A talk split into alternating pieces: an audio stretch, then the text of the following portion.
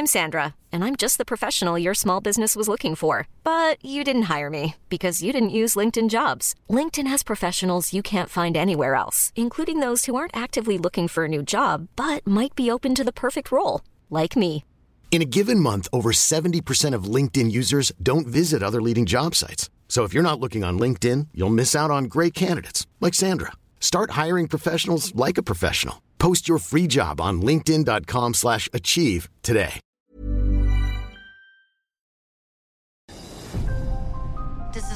Last weekend open, so we've got to find some proof that My Little Mallet really exists before this place closes down. I have my microphone so we can make do with EVP investigations. Yes, I'd like a room for the night. Since the hotel is practically empty, we might have a good chance of making some real contact. What was that? Idag checkar vi in på The Yankee Peddler Inn för att tillsammans med vår kamrat sköta receptionen de sista dagarna innan vår solbadande kamrat ska stänga ner. Följ med oss när vi utforskar de kusliga rummen och den läskiga källaren på ett eventuellt hemsökt hotell när vi jagar spökljud och konstiga händelser. Det är inte bara rysningarna runt oss som skrämmer, det är något mer. Så hämta popcorn och förbered dig på att rysa av skräck när vi tar dig med på en resa genom ett av de läskigaste hotellen i filmhistorien. Men den här podden heter inte Horror Hotel. Utan välkommen till eh, skräckfilmscirkeln. Idag så pratar vi om en film som heter Inkeepers eh, Regisserad av Ty West från 2011. Men Fredrik, har du bott på något hemsökt hotell någon gång? Det har jag säkert gjort utan att veta om det. Eh, jag tänker väl, det är väl så här. Eh, varje hotell värt sitt namn bör väl ha ett spöke. Men eh, nej, ingenting vad jag har märkt. Jag har däremot arbetat på Eskilstuna teatern, den stora teatern i Eskilstuna och den är hemsökt utav sedmästaren där som back in the days var så hemskt olyckligt kär att han hängde sig eh, i, ja, i draperiet där. Eh, och har hemsökt Stora Teatern där sedan 20-talet enligt myten. Och de som är sist kvar eh, när man stänger eh, teatern har sagt liksom att då känner man någon närvaro och då är liksom tanken att då är det den gamla scenmästaren som går ronden med en. Och jag, jag ska villigt erkänna, jag har aldrig riktigt blivit skrämd av den gamla scenmästaren, men när det har varit riktigt sent och det blir mörkt och det blir tyst, då går fantasin igång lite. lite oh, ja, nej, oh, ja, ja. Så, inga hemsökta hotell, men en hemsökt teater i alla fall. Okej. Jag har nog faktiskt eh, bott på hemsökta hotell, eller hotell och hotell. Det var mera bed and Hemsökt bed and Det breakfast. var en... Ja, men vi var, vi, vi var i, eh, i Frankrike på, under min eh, tid som elitidrottare. Så då bodde vi på något litet, eh, de kallade sig för hotell, men det var typ fyra rum. Och gammalt jäkla hus, säkert eh, 30-40-talet. Och innan dess ännu äldre. Och det, liksom, det knirra och knaka överallt. Särskilt i sovrummet. Där var det som värst. Och klockan var tre på natten så bara... Lät det som det var någon som tassade runt sängarna där. Men jag vet inte. Det, ja, det, det räcker ju att vakna på morgonen så inser man hur jäkla hemsökt det är hemma. Eh, dagens film handlar ju dels lite om eh, spöken och eh, framförallt så handlar det om ett hotell eller jo ett litet hotell. Så att eh, men det här med, med, med spöken och små hotell och the Inkeepers. Vi behöver någon som kan hjälpa oss.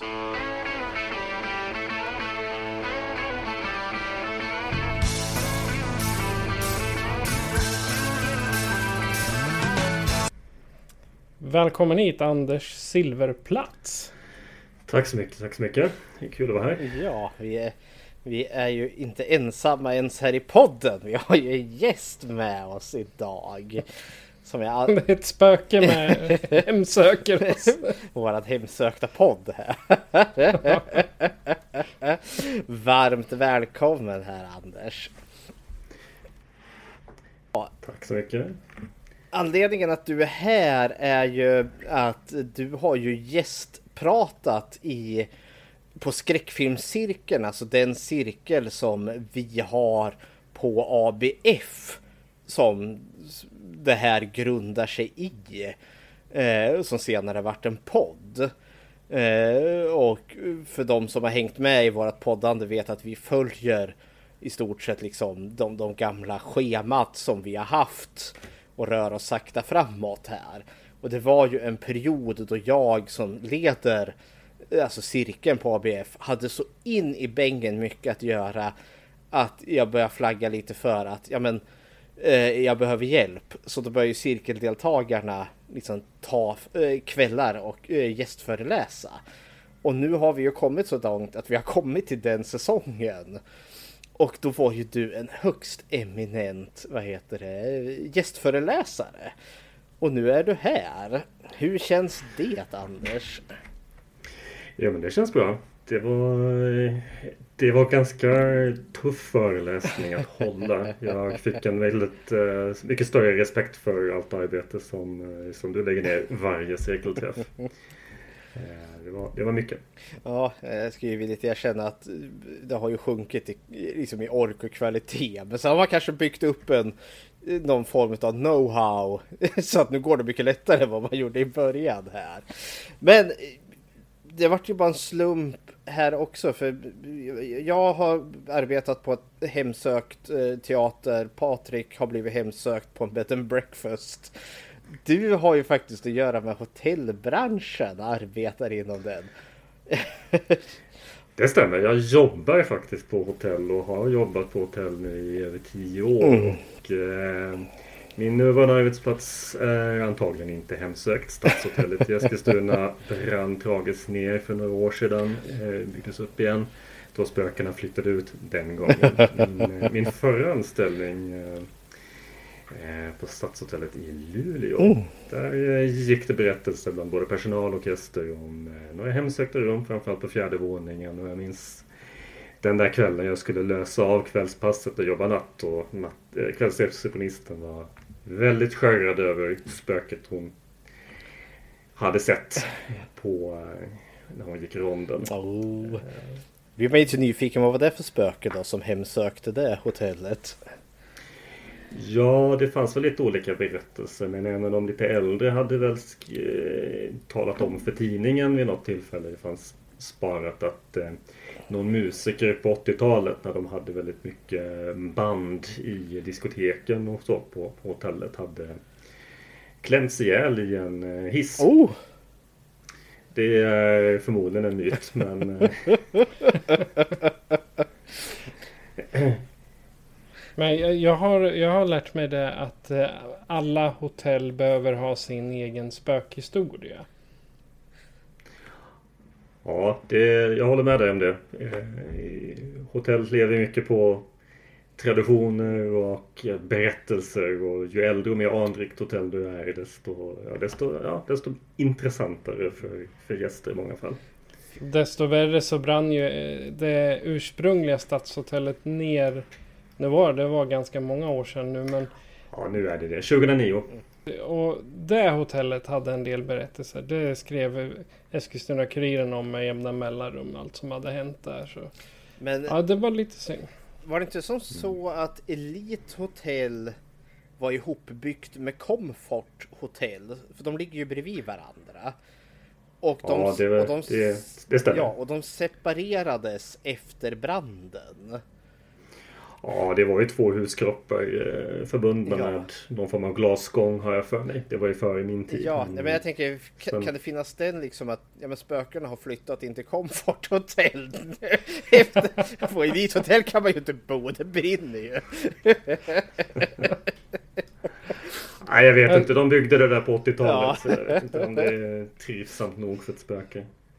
Men i vanlig ordning, eh, i vanlig ordning då tänkte jag vi skulle prata lite om vad vi har eh, sett sen sist. Vän av ordning här. Här får vi inte sitta och Ja. mysa och prata spöken och hotell. Nu nu är vi tillbaka Vi, till... vi, vi, vi kommer till hotellspöken eh, mer, mera fram. Jag, jag skulle vilja veta, Anders, har du sett någonting intressant på senaste tiden?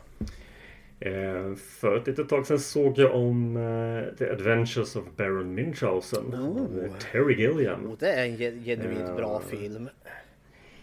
Det är definitivt en väldigt intressant film. Så fantasifull och påhittig film precis som sitt källmaterial. Men nu hade jag ju dessutom lärt mig lite grann om vad de stackars skådespelarna, framförallt barnskådespelerskan, eh, fick stå ut under inspelningarna för att det var väl inte så noga med mängden pyroteknik och säkerhetsavstånd och sådär. Så Och det, att, eh, och det är väl en väldigt ung Una Thurman i den filmen va? Hon är med också Ja. på ett hörn, det stämmer. Ja, ja. Eller nej, det är inte, det, det är inte hon som... Nej, hon är ett huvudrollsinnehavare. Nej, men, eh, det är Una Thurman, det är hon som är, det är hon som är Venus va? Som Vulcan Ja. suktar efter. Ja. Jaha, ja, men det där är så jävla tråkigt när man får höra. Eh, jag, jag kan inte riktigt historierna bakom. Eh, ja, och hon liksom nästan brann upp under filminspelningen där. Det är liksom sådär, nej, jag vill inte veta. Jag vill ha den här fina berättelsen, den här mysiga Terry Gilliams-filmen. Oförstörd, men nej, nej bränner de barn där någonstans. Ja, kära någon, kära någon. Jag har varit på bio jag. Eh, och det vet jag inte allt trauma som har skett bakom scenen men det kommer väl. jag var på bio och så såg jag filmen Scream 6. Eh, uppföljaren här nu till, ja, Scream 5. Eh, och det, jag kan ju inte låta bli, alltså Scream är ju lite eh, där liksom skräckfilmsintresset vaknade back in the days. När den kom när jag var typ 14 år gammal och satt där i biomörkret och förfasades och myste samtidigt. Eh, skräckfilmsintresset fanns nog där redan innan men den filmen liksom kickade nog igång det så det stod härliga till. Så när det kommer nya Scream-filmer kan jag inte låta bli. Men det är också film nummer sex i en franchise här. Och när man tänker att man har kommit så långt upp. Jag menar det är film nummer sex som Jason blir en zombie i fredagens-serien.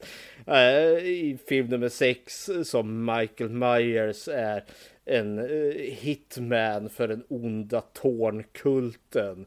Det är film nummer 6 där Freddy Krueger blir i 3D. Uh, eh, film nummer 6 i Amityville vet jag inte vad är det då. Det blir ett dockhus. Alltså när man kommit så långt in i en franchise, det är då regeln allt ballar ur och liksom serien tappar konceptet och bara nu flyger vi ut i rymden eller något sånt där.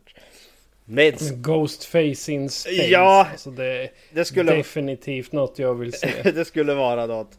Men god damn vad det här var en bra film. Oförskämt bra för att vara en film nummer sex i en serie. Och de har verkligen tungan rätt i mun. De känner sin genre. Både liksom att, ja men Scream har alltid varit meta, liksom det refererar liksom kärleksfullt eh, till sin egen genre och paroderar den. Eh, men, och samtidigt är liksom har sina egna interna regler som Scream-franchisen har satt upp. Och de bara bockar av ena efter den andra. Bara bock, bock, bock, bock. Och det är liksom bara spot on. Och i, i och med att man introducerar en ny ensemble karaktärer i film nummer fem. Så fortsätter man med dem i film nummer sex och det funkar jättebra.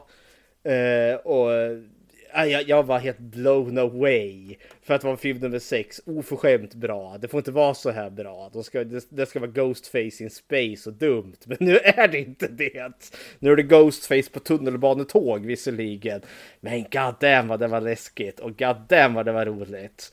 Så Scream 6 är vad jag har sett och jag är helt mm, mm, mm, mm, mums, mums, mums. Så, jag, jag säger bara en sak. Skjut dem i huvudet. Ja, det gjorde de. Alltid en kula i huvudet. All, annars så vet man inte hur det, vad som händer. Och det var också sådär, den här gången lyckades jag faktiskt lista ut vem mördaren var.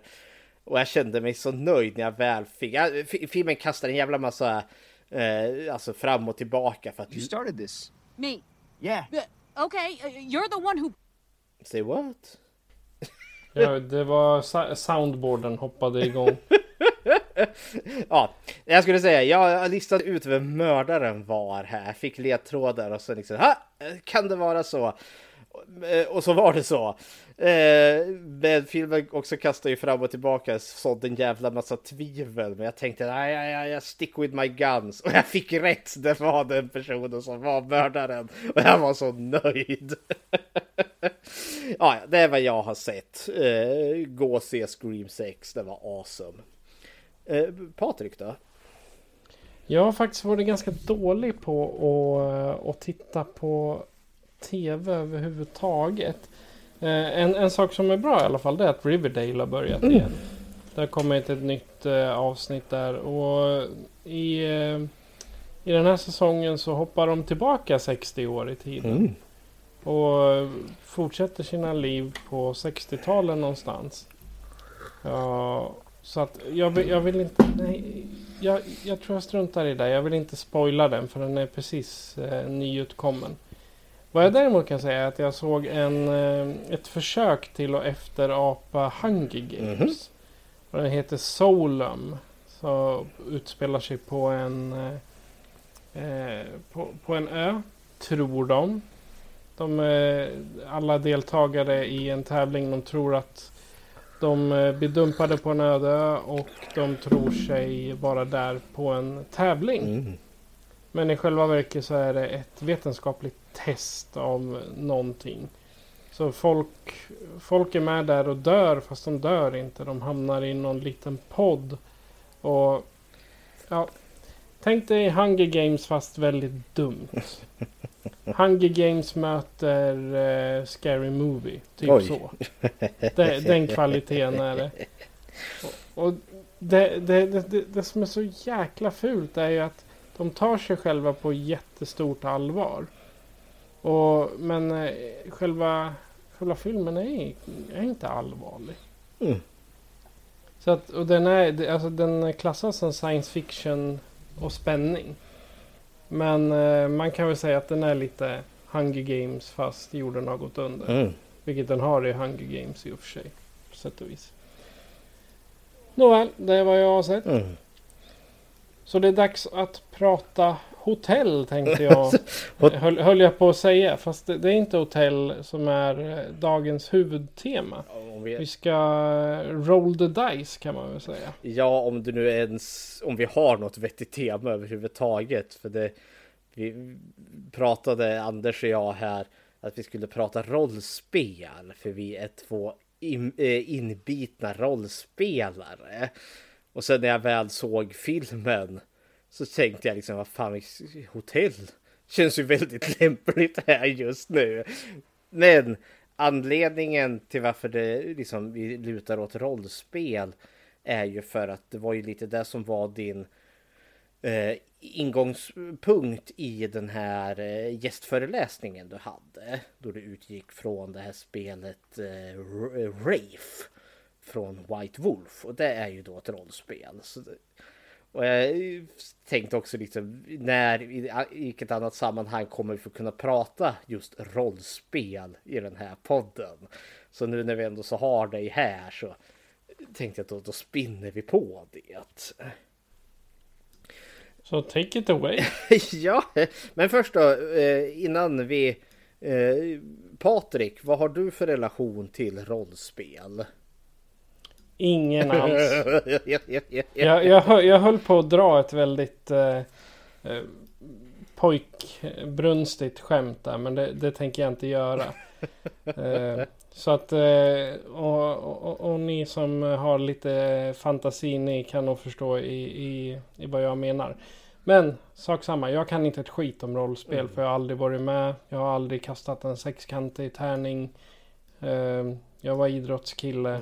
Jag satt inte i källaren och vara Dungeon Master. Men du har koll ändå så, så långt för att säga liksom kasta en sexsidig tärning. Liksom har koll Men jag har så... sett Stranger Things. Ja, det var Gorgon där. ja. Men rollspel då? Eh, och då kan vi väl köra... Du, du har ju noll erfarenhet av det för det var, ingick inte i din värld. Jag, jag själv startade rollspel någonstans i gymnasiet där, tidigt gymnasiet. Då öppnades min värld för rollspel. Eh, och då var det klassiska svenska drakar och demoner som drog igång det. Jag och ett kompisgäng. Hur var det för dig då Anders? Din eh, start till rollspel? Ja, den skedde i högstadiet och eh, ja, mellanstadiet eh, på gränsen till högstadiet. Det är 30 år sedan nu. Spelade också svenska rollspel med mina vänner. Eh, Mutant och Drakar och Demoner. Eh, och eh, jag blev ju biten direkt av eh, vad som erbjöds. Eh, den oändliga fantasin som, eh, som man givetvis inte uttryckte när man var 12. Det gör man inte nu heller men potentialen ändå. Eh, fascinationen inför de här fantasivärldarna som man behöver leva sig in i med sina vänner. Och eh, med tiden så har jag alltmer insett att det är just det som är kärnan i spelhobbyn för mig. Att det är någonting jag gör med vänner eller bekanta ibland. Det är ett väldigt intressant och väldigt intensivt sätt att umgås med andra. Och det är ett sätt för mig att hålla kontakt med en del gamla vänner också som håller på med hobby precis som jag.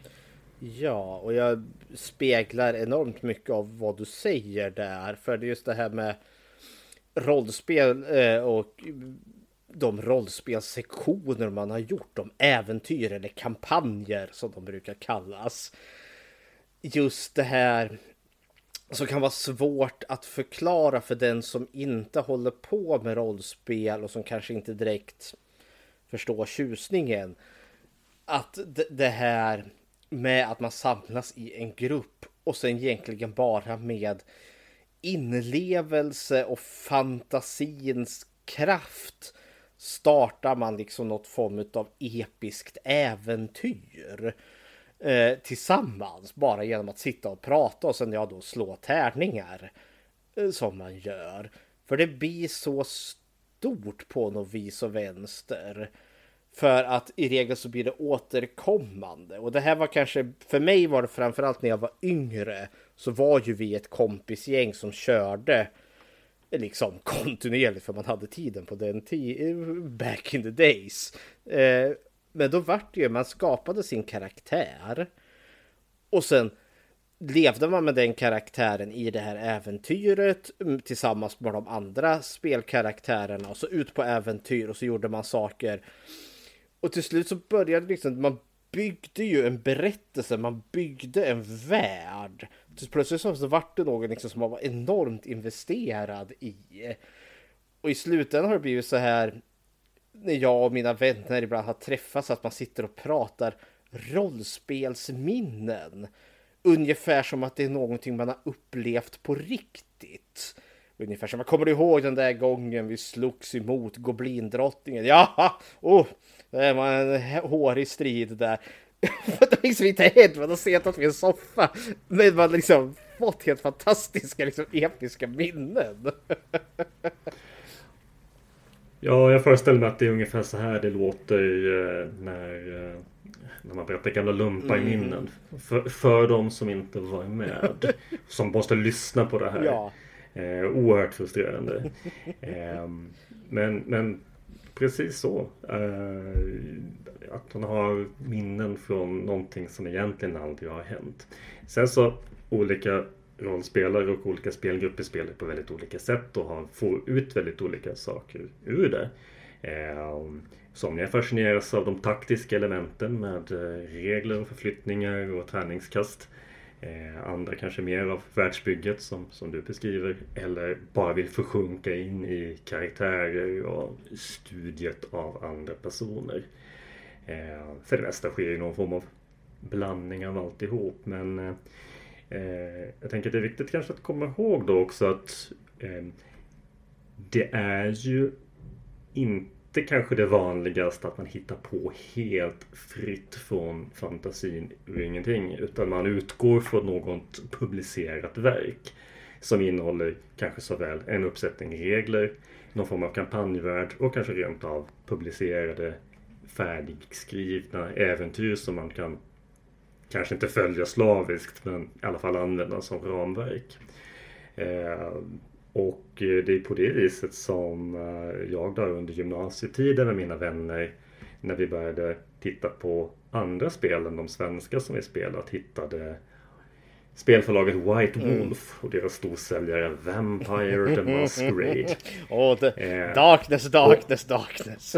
ja, visst. Vampyrångest. Vampire the Masquerade beskylldes på 90-talet för att ha plagierat Anne Rice, författarinnan till En vampyrs bekännelse och många andra. Och det låg nog någonting i det, inte rakt av men och fångade samma tidsanda. Det var liksom, det var mycket vackra känsloladdade vampyrer.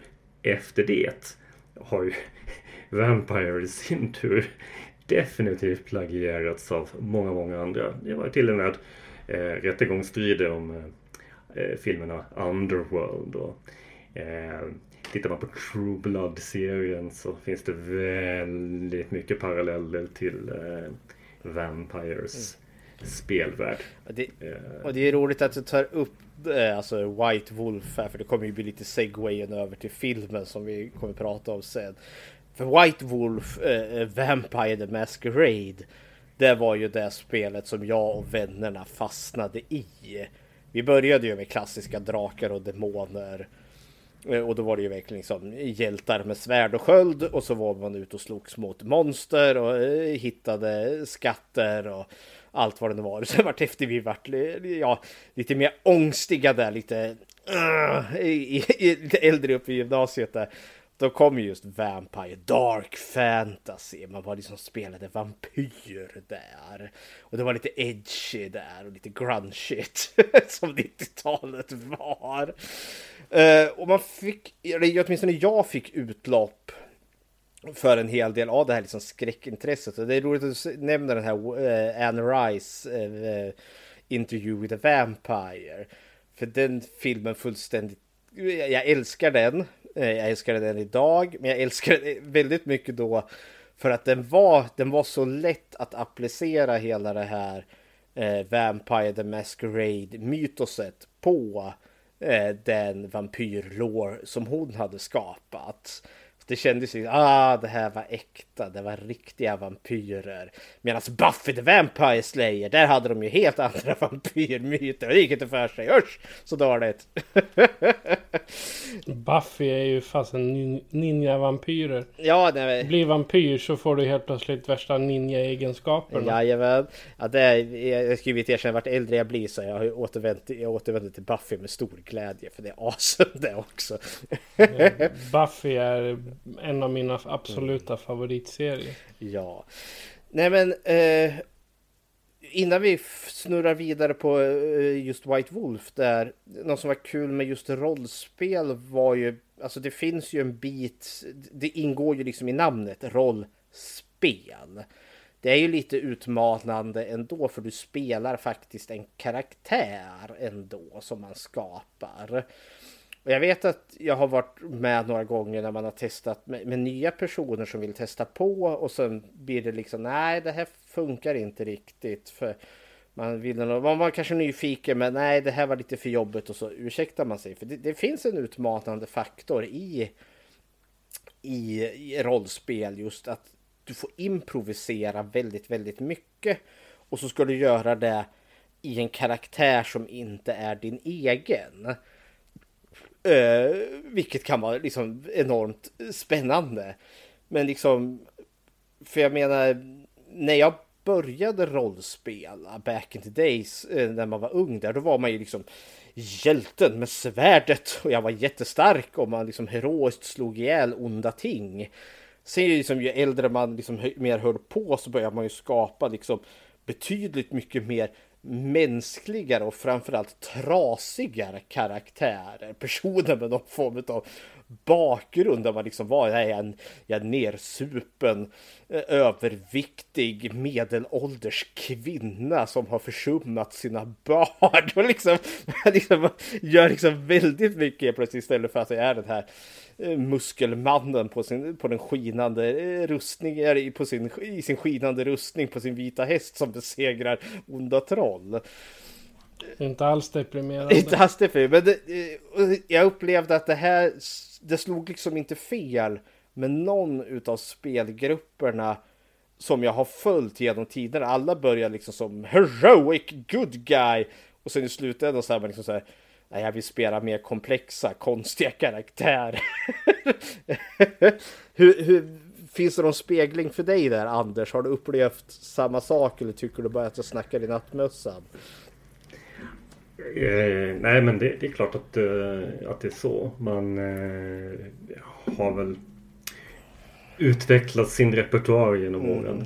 Eh, sen ska det sägas att ett viktigt element för många i spelhobbyn och jag ska nog säga även för egen del. Det finns ett mått av power mm. fantasy mm. även i de här lite mörkare seriösa skräckrollspelen. Eh, jag tror det är delvis det som gör dem eh, populära. Man är väldigt eh, ball som vampyr.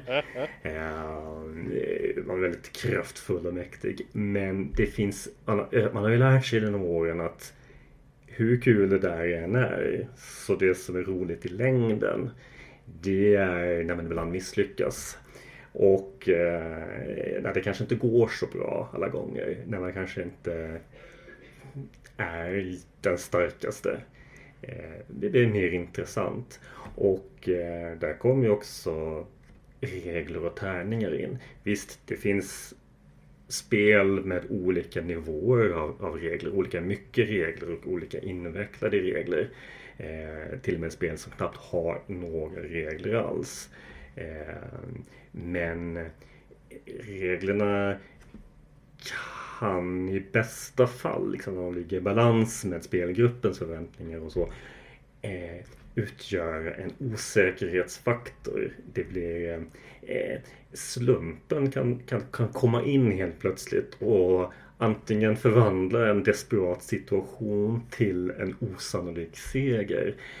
Eller vice versa en garanterad framgång till eh, total kaos och pannkaka. Eh, bara för att tärningarna eh, inte riktigt ville vara med.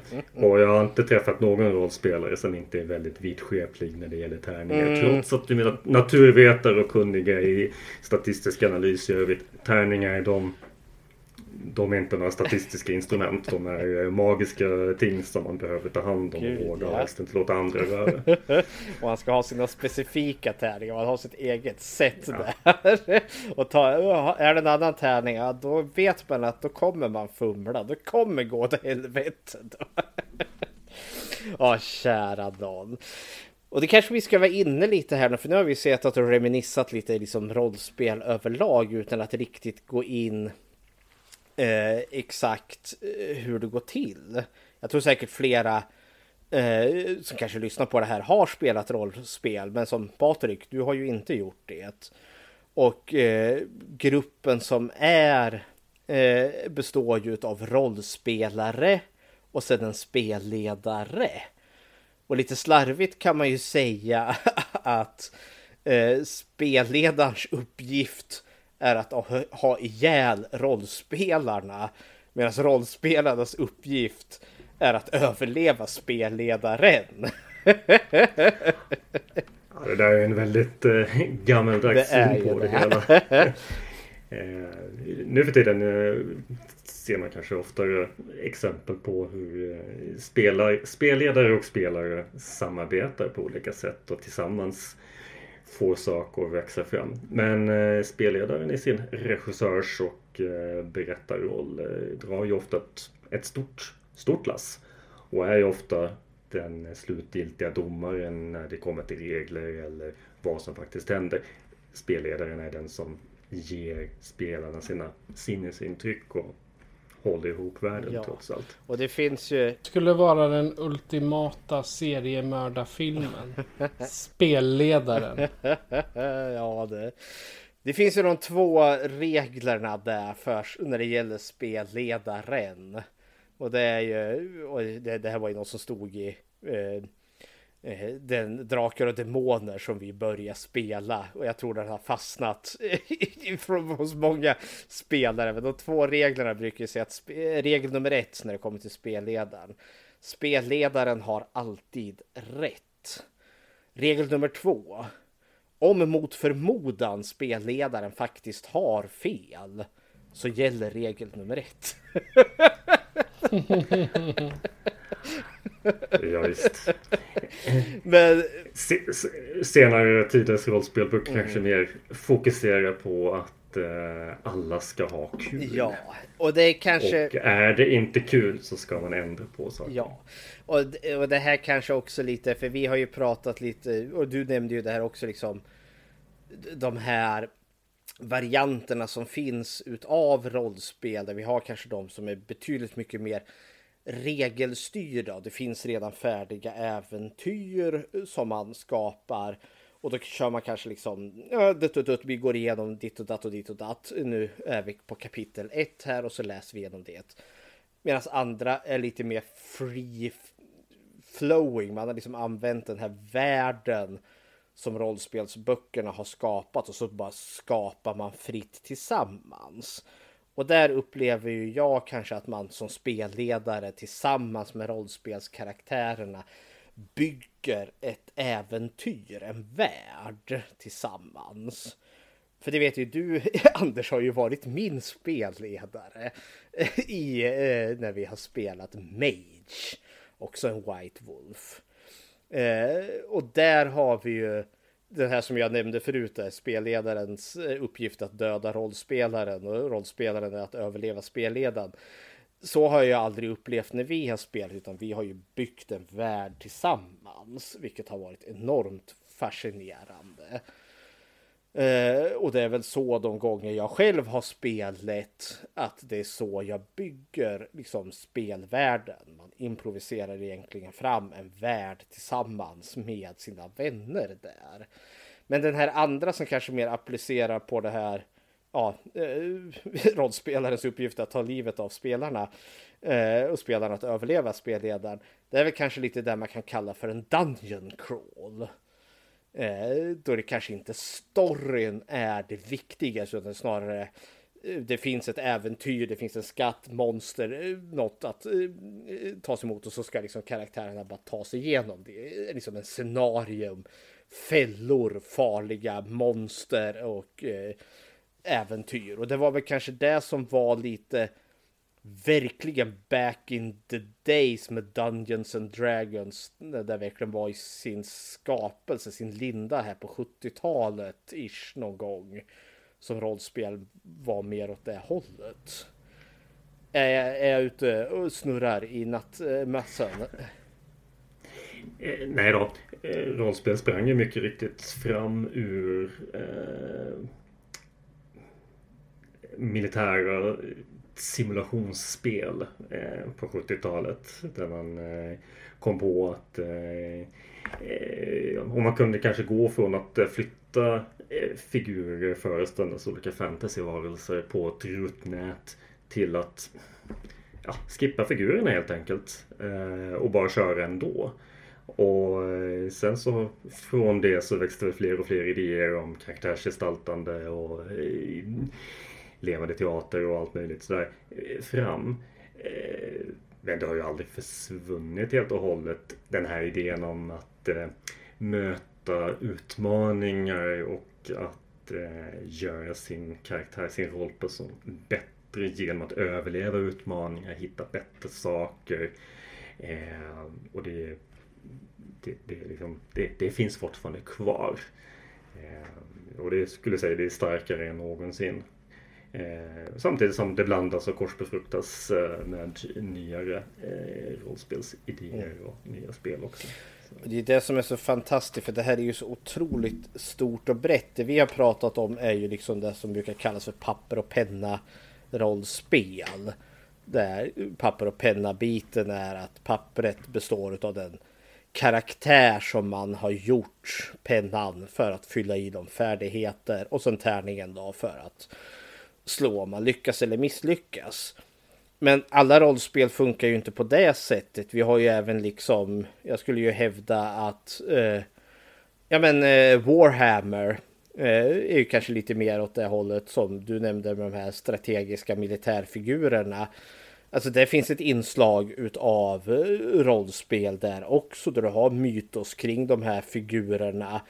Eh, men det är kanske mycket mer på, ja, alltså mer militära slag. Men sen har du också de här eh, eh, vad tänker jag på? Eh, Mage, The Gathering, kortspelet.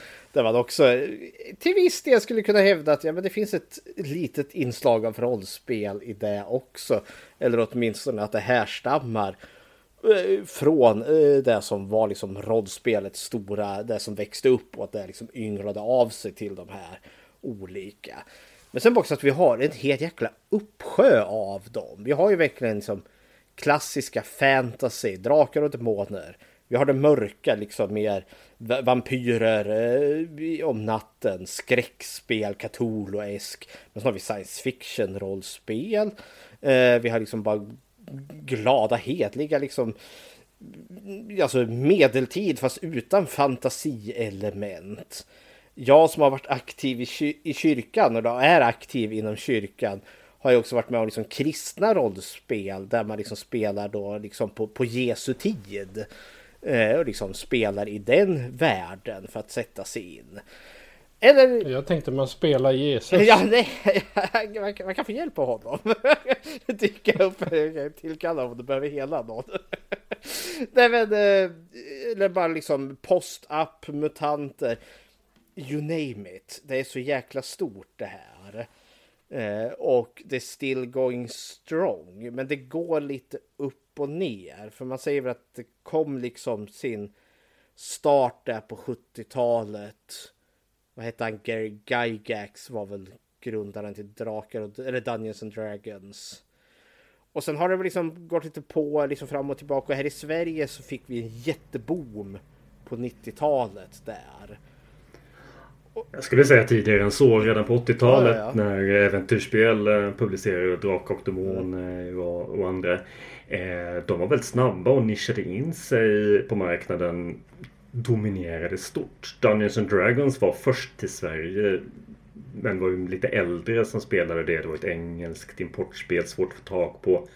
Drak och Demoner sägs vi ha sålt över 100 000 exemplar. Du kunde köpa det på vilka leksaksaffärer som helst under ett antal år på 80-talet och väldigt många framförallt pojkar då eh, spelade, eh, upplevde och de flesta gjorde väl inte som du och jag fortsatte spela trots att vi växte upp men många kommer ihåg det där och eh, sen på 90-talet framförallt senare i hälften, då, då gick det väl ut för när datorspel och tv-spel eh, blev allt mer populära. Men eh, sedan dess har ju de där pojknördarna fått sällskap av live-rollspelare och allt fler tjejer och framförallt har de vuxit upp, bildat familjer och börjat spela rollspel igen med sina barn.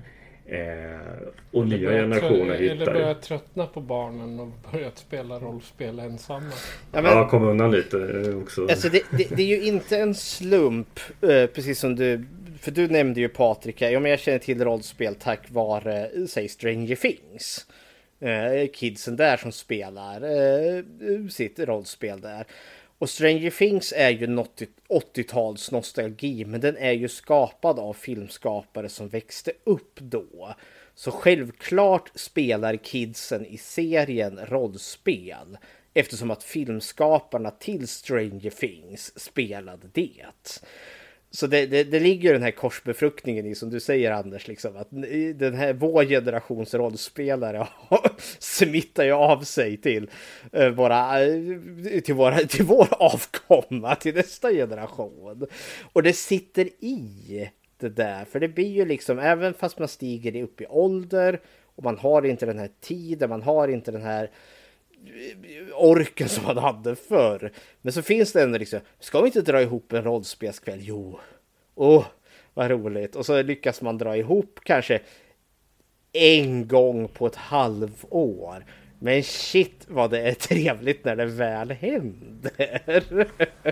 absolut, absolut. Och då har du ju också eh, på grund av tidsbrist och så vidare. Då får du ett incitament att eh, designa spel som kanske är gjorda att spelas kortare tider. Som kanske är lite mer specifika i sin genre eller sitt uttryckssätt. Och så har du internet och du träffar folk som eh, kreativa människor kommer i kontakt med varandra och hittar på massa saker. Och, eh, och sådant har ju då lett till en, en revival. Eh, som sen vad jag tror definitivt boostats av Stranger Things ett tag. Eh, och har man väl spelat Dungeons and Dragons ett tag för att ja, det var ju kul, man såg det på Stranger Things ja då finns det hur mycket som helst bortom det att upptäcka också. Mm. Om man händelsevis tröttnar. Jag tänker jag ska gå tillbaka lite till det vi nämnde, där du nämnde innan här, alltså på 90-talet. Eh, vi som växte upp lite då. Att som sagt, du hade vänner som gick in i leksaksbutiken, eh, äventyrsspel där, de, de såldes där. Och så var det för mig också. Alltså jag gick ju in i här i Eskilstuna i en leksaksbutik som hette Lasses leksaker. Där köpte jag, fick jag tillgång till min White Wolf, Vampire the Masquerade, liksom mörka, onda jävla spel. Men det fanns liksom, och det hängde ju ihop med att eh, han som ägde Lasses leksaker var en ävid rollspelare så han plockade hem. Och det var ju då i rollspel, alltså i leksaksbutikerna som man kunde komma åt de här spelen. Fast det gör det lite speciellt tror jag. För att de mm. flesta leksaksaffärer de hade ju tagit bort rollspel från sortimentet några år innan Vampire ens gavs ut. Eh, för att det var en liten period av moralpanik där under tidiga 90-talet. Rollspel var lite farligt. Vi, ja, och jag tänkte vi kan också spinna in lite på det. För det är ju liksom en moralpanik som både du och jag faktiskt har mött och upplevt konsekvenserna av. Jag har åtminstone fått upplevt det. För det och framförallt var det ju Vampire the Masquerade som drog igång det där. För, det, för jag kommer ihåg att eh, jag hade, för vi började lajva Vampire. Vi var ångstiga tonåringar som sprang omkring om nätterna. Det, äh, jag är vampyr. Man kan ju skratta skiten av sig åt det där idag. Men så kom ju det här, det kom ju den här boken, Det övergivnas armé. Som verkligen var ett eh, karaktärsmord på allt vad rollspel heter egentligen. Uh, och nu kommer jag inte alls ihåg vad skaparna, uh, det var väl två författare där. Eh, kommer du ihåg vad de heter? Anders? Jo då. Didi Örnstedt, dramapedagog och eh, Björn Sjöstedt Kanske också dramapedagog, jag minns inte. Ja. Eh, de skrev även en bok några år tidigare om barnkultur och leksaker, kroppsideal bland He-Man-figurer och Barbie till exempel. Eh, och ja, jag kommer ihåg den där boken väldigt väl för att i rollspels, eller rätt sagt i spelhobbyvärlden, föreningsliv och så på den tiden så den boken vart ju eh, sågad, den vart hånad, den vart eh, hackad sönder och samman i små bitar och alla faktafel och eh, överdrifter blev blottlagda. Eh, det var en väldigt stark reaktion mot den boken från hobbyns sida och det var väldigt låsta positioner. Eh, jag kommer ihåg hur några personer på den tiden gärna ville ha lite sans, mer sansad debatt. För att rollspel är kanske inte automatiskt ofarligt. Du, du kan liksom eh, kanske mycket väl ha problem ifall du lever in dig för starkt i saker och ting. Och svårt att skilja på fantasi och verklighet. Svårt att säga. Men eh, när så att säga motståndarsidan publicerar en bok som egentligen bara är moralpanik. Ja, det blev ju inte konstruktivt från något håll. Eh, Nej. Och det, det, det ligger ju något, eh, alltså i, där du säger att liksom rollspel har inte varit helt oproblematiskt heller. Framför allt i det som har kallats för live, alltså levande rollspel. När man ska leva, alltså spela de här karaktärerna på riktigt med liksom din egen kropp med, mot andra människor. Istället för det här klassiska papper och penna då man sitter liksom samlad vid ett bord och bara pratar fram ett eh, äventyr där. För det kommer jag ihåg, för vi var en rollspelsgrupp här i Eskilstuna eh, och vi spelade då Vampire. Vi var vampyrer om natten. Och det jag kommer ihåg att vi var gruvligt irriterade på eh, en annan grupp som fanns i Stockholm. För det var de som orsakade, de eh, såg vi som orsakade problem. För de här människorna, de lekte, de lekte ja de lajvade också vampyrer. Men då var det, en vampyr dricker ju blod. Eh, och då hade de här människorna liksom ändå sprungit ut på natten där och sen hoppat på folk och liksom typ nafsat dem i, i, på halsen. Eh, och sen sprungit därifrån. Alltså en helt vilt främmande människa som inte har med livet att göra. Och det här var ju oseriösa människor överhuvudtaget. Men sånt här spär ju på såklart. För det här var ju idioter som betedde sig illa. För jag menar, jag skulle ju bli mäkta upprörd om en jävla okänd människa hoppade på mig och liksom nafsade mig i halsen och sen sprang därifrån. Och sen får jag höra, jaha den här ungjäveln liksom eh, lajvade att han var vampyr. Jaha, det finns någonting som heter Vampire the Masquerade, där barn spelar att de är vampyrer. Ja, de måste ju vara galna. Och så kommer den här Det övergivnas armé. Och liksom, det spär ju på. Det krävs väldigt lite, liksom få de här the bad seeds, de dåliga exemplen. Ett annat bra exempel som har också tagits med i, i så fantasy eh, live Eh, där har man så kallade boffervapen, skumgummivapen. Du, alltså, du har ju svärd och yxa och allt, men de är gjorda av skumgummi. Men sen är det alltid någon idiot som har tagit med sig en replika av ett riktigt svärd av stål och dränkt den i huvudet på någon så att blod har uppstått. Ja, såklart, det är att den dumjäveln får man ju hört talas om och den incidenten får man ju talas om. Och föräldern som liksom skickade dit lilla Kalle som nu har fått pannbenet spräckt. Eh, ja, nej, det kommer ju inte uppskattas. Sen att det här liksom är en incident liksom en på tusen. Ja, nej, det, det underlättar ju. Alltså det, det spär ju på i alla fall. Den här enda gången får ju liksom att det sticka iväg. Så ja, hepp. Ja, och moralpanik det, det, har ju förstås uppstått många gånger genom tiderna av olika eh, kulturyttringar. Det har ni säkert pratat om i den här podden förut. Men, eh, men, men, men, det har ju också liksom någonstans har ju spelhobbyn fått förstå och lära sig att det går inte att ta för givet att alla som utövar hobbyn är fullt rimliga, välanpassade individer. Istället får man kanske Istället har det utvecklats olika traditioner och kutymer och verktyg för att garantera att deltagarna är säkra. Och det började nog, vad jag vet, i levande rollspel där det som du antyder, som du säger, väldigt, väldigt intensivt. Man är med på ett helt annat sätt.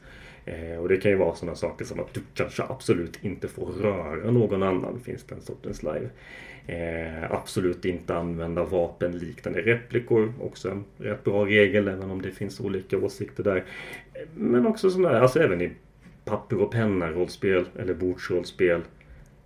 Det är det kan finnas risker med att gå in i någon roll eller att utsättas för en situation fiktiv, men inlevelse. Men det kanske kallar fram någonting från någon tidigare erfarenhet man haft. Man kanske kan känna sig obekväm.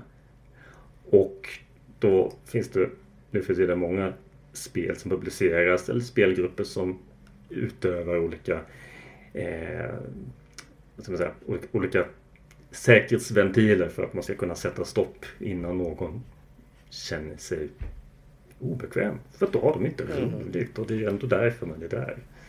Mm. Roligt tillsammans. Ja, men som, som med allting ska det ju vara med måtta. Och rollspel kan precis som allting annat liksom gå överstyr.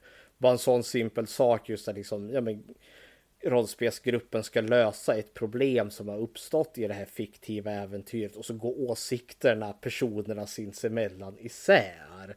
Och så blir det inte bra och så sticker det över. Någon blir genuint irriterad. Men om vi bara hade gjort som jag sa då hade ju inte det här hänt och så, liksom, och så har det uppstått riktiga känslor där folk har blivit förbannade på riktigt. Jo då, det har vi nog många varit med om i spelgrupper. Rollpersonens konflikter spiller över till eh, spelgruppen. Och det, och, och det har ju varit ett sätt, alltså det, det är ju inte bra men man har ju fått lära sig man har ju fått lära sig, eh, vad heter det? att hantera sociala sammanhang i sin ja. hobby. Eh, och att så illa tvungen ibland. Eh, och det har väl kanske i slutändan lett till någonting bra då. Att man ja, och det, det, är också... Ja, jag, jag är precis inne på det du nämnde där, inte social träning där, men just också att det här är faktiskt något som engagerar. Det är något som får folk att gå igång på gott och på ont. Och det är liksom inte små krafter att ha att göra med. Det är liksom inte triviala saker. Man sitter där, jag såg en dålig film, jag hade åt lite popcorn, hade kul. Det kan bli så mycket större än så. Och eh, nu har jag kanske inne på lite den mer destruktiva sidan som kan uppstå. Men majoriteten Eh, av det här är ju extremt positivt. Eh, för liksom, majoriteten har ju fantastiska minnen av de här rollspelsäventyren. Jag tror säkert de som lyssnar på det här och som har spel, eh, spelat eller spelet känner igen det här liksom mycket, mycket väl. Och de som inte har kanske tycker vad är vi för jävla miffon som sitter här och håller på. Men alltså, ja, vi skulle kunna hålla på i evigheter, eller jag skulle kunna hålla på i evigheter, men vi måste börja segwaya in mot filmen här. Och då ska vi segwaya in lite mot, eh, eh, mot din föreläsning här som du höll. Och då spelet Rafe. Eh, som också då är White Wolf, för det har ju mer inriktning spöken. Eh, ja, Ja, ja men precis. Eh, det här var ju 90-talet och eh, White Wolf spelförlag eh, fick en stor hit med Vampire som handlar om vampyrer. De hade en idé om att eh, släppa flera olika spel och sen publicera böcker till varje spel som så att säga skulle utspela sig i samma värld, the world of darkness, vår värld men mer mörk, full av övernaturligheter, en, en gotisk eh, stämning full med eh, hemligheter och våld. Ehm, och eh, såklart övernaturliga väsen. Ja, och då prickade de liksom av från sin lista. Det skulle finnas vampyrer, det skulle finnas varulvar, det skulle finnas eh, trollkarlar eh, och älvor. Eh, och eh, varje spel de publicerade, ja men de hade ju det där. Men det var en modern, lite annorlunda tagning på det. För att du spelade ju de här väsena som något slags protagonister. De var hjältarna eller kanske antihjältarna i många fall i de här spelen. De, de drev historien framåt. Till skillnad från kanske äldre spel där de faktiskt bara var monster som skulle slås ihjäl eller övervinnas. Eh, The Curse of Strad eh, kommer jag att tänka på. Och eh, där i mixen så kom då Wraith the Oblivion 1994. Där man ska spela rollen av en död person, ett spöke. Och redan där eh, var ju premissen ganska annorlunda mot de andra spelen som kom i samma svit. Eh, det var liksom lite svårt att sälja in det där. Och ska sägas, Raved Oblivion blev egentligen aldrig mer än en, en ganska nischad produkt för White Wolf. Uppskattad, definitivt, för dess eh, idéer och dess, eh, liksom, det, det, som författades för spelet under sin korta livstid eh, höll väldigt hög kvalitet. Fångade mångas fantasi på, på speciella sätt Det är väldigt som sagt, min entusiasm är väldigt stor för det här spelet. Jag, fång, jag fångades direkt där. Eh, som 16-åring, inte bara för att det var mörkt och edgy utan för att, att jag tyckte det fanns något fascinerande och, och eh, intressant där också. Det hjälper att jag gillat spöken och spökberättelser väldigt länge. Eh, och eh, Rafe lovade att eh, leverera lite grann av den stämningen man kan ha i en bra dyster gotisk spökberättelse. Eh, men som sagt, det var lite svårt att spela för att du är död. Och som död själ, som ett spöke eller de Rafe, en vålnad i den här världen, så var du liksom frånkopplad lite grann från den vanliga världen. Du interagerade inte så mycket med den. Utan levde istället, eller befann dig, för du levde ju inte, i en mörk, dyster, förfallen, ständigt våldsam och söndersliten skymningsvärld. Full av faror och hot. Och ja, du var ju död. Du var ju, du var ju jättedeprimerande. Det var en Du hade liksom förlorat allt. Och det som höll dig kvar vid den levandes värld var just det att det var någonting som du ångrade. Någonting som du inte hade uppfyllt eller någonting du inte hunnit göra. Och det fanns saker eller personer som fortfarande levde som, som, som höll dig kvar också. Eh, och det var ju drivkrafterna då. Vilket mm. klassisk spökhistoria-grej. Man har ofärdiga färger. Vilket, Ja, förlåt att jag hugger in här, men jag tycker det är så kul just... Uh, jag känner ju igen World of Darkness, det är så, det är så mörkt och så eländigt. Men jag tänker det harka tillbaka där jag liksom själv, där jag började, där man spelade verkligen hjälten, riddaren som besegrar det onda. Rafe the Oblivion. Nej, vi börjar inte som några form av hjältekaraktärer här inte. nej, nej verkligen inte. Och men, men kärnan där i spelet var väl istället att du inte var en hjälte. Du var inte en mäktig tuff vampyr som kunde hävda dig inför dina, eh, dina, dina vampyrklaner eller så vidare. Och du må vara spöket, övernaturligt väsen men i grund och botten var du en väldigt vanlig person. Du hade bara råkat dö och du hade råkat dö med väldigt starka känslor som höll dig kvar i någonting som ville uppfyllas. Och eh, det är väl lite esoteriskt men på den tiden var det så här att du skulle skapa en rollperson och du spelade rollspel och du följde reglerna i, i, i boken och satte ut dina värden och stats och så vidare. Men sen så det är ju inte hela rollpersonen. Sen måste du definiera vad är din karaktär och personlighet och bakgrund och vilka kände du och känner, minnen och relationer. Ja men det, det kan man ta sen om man inte är så brydd. Men i Wraith the Oblivion hade de ju byggt in redan i karaktärsskaparreglerna att man var tvungen att definiera just den där starka passionerna. Mm. Vad är det som gör just det här spöket hänger kvar? Det, Vad är det för det känslor och drivkrafter? Ja, det, det som för min tanke här liksom som var om man nu kollar till en klassisk spökfilm, de här skräckberättelserna eller spökhistorierna. I regel det som är hela den berättelsens mysterium till varför spöket är kvar, varför spökar det, vad är det för trauma som spöket gör att det är kvar. Det är ju det man ska lista ut när du skapar din rollspelskaraktär. Och sen efter det ska du börja spela ett äventyr med den här karaktären. ja, och de äventyren i sin tur.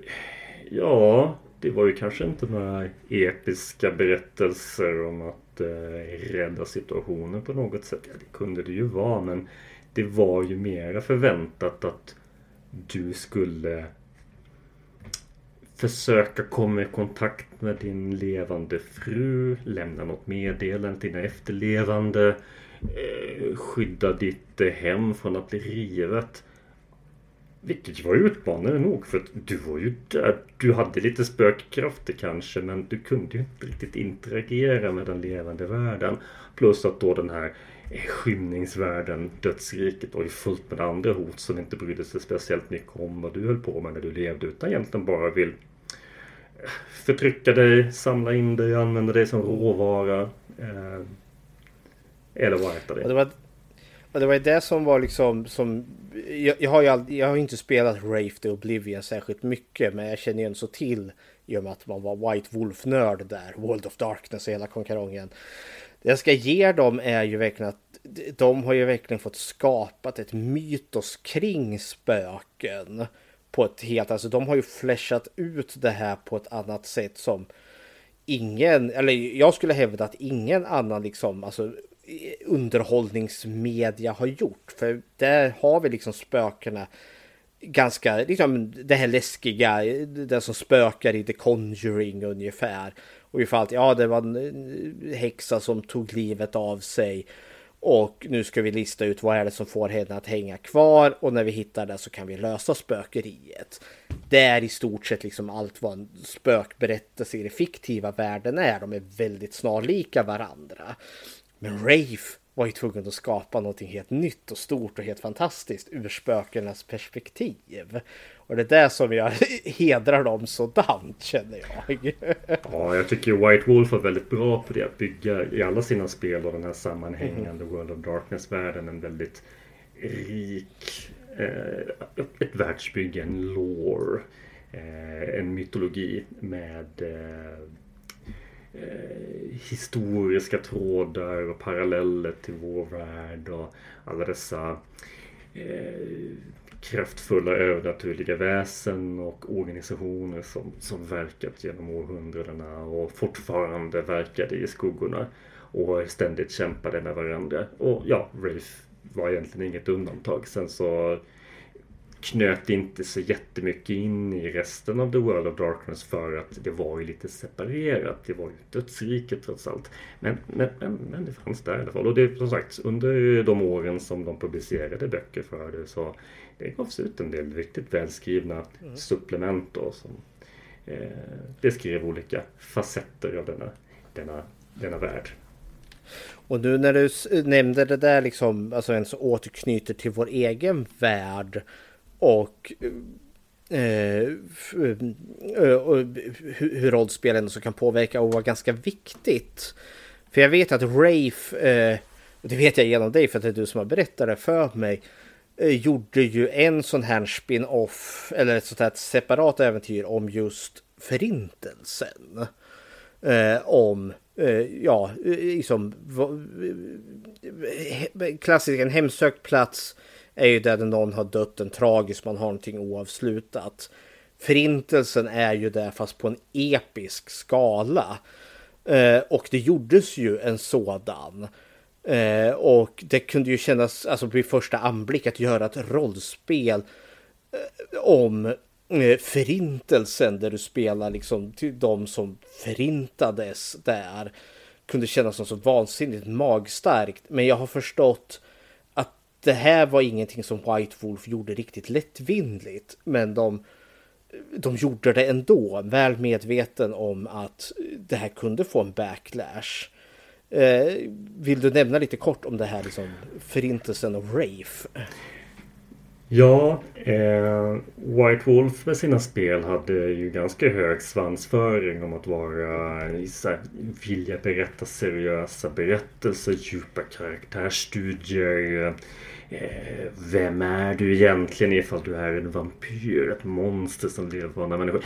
Mm, men sanningen ska sägas att väldigt många spelare kanske lite mer lättvindigt än så. Eh, vältra sig i den här maktfantasin om att vara ett eh, odött monster och, och, och de där djupare karaktärsstudierna kanske kom i andra hand ibland. Och helt klart var det ett rykt, sådant rykte White Wolf hade. Och ja, som sagt, Vampire var ju bara ett av dem. Och Werewolf och, och Mage kan ju vara ganska eh, eh, bonkers är väl ordet jag, jag söker ibland.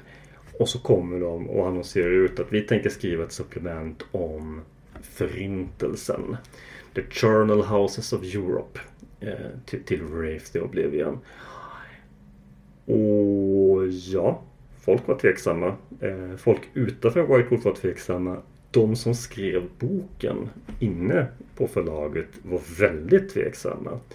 Eh, men författaren Richard Dansky som skrev mycket för Wraith eh, skrev i förordet till boken att ja, han, han hade varit väldigt, väldigt tveksam. Livrädd tror jag rent av. För att rollspel, alltså det är ju en underhållningsprodukt ändå. Det är ett spel, det är en lek. Blanda in den här fruktansvärt tragiska händelsen, liksom i episoden i Europas historia. I, i den sortens produkt. Är inte det att begå liksom, en kränkning, ett brott, ett helgerån? Eh, men eh, han hade till slut ändå blivit uppmuntrad från olika håll att fullfölja det hela och han gjorde det med så pass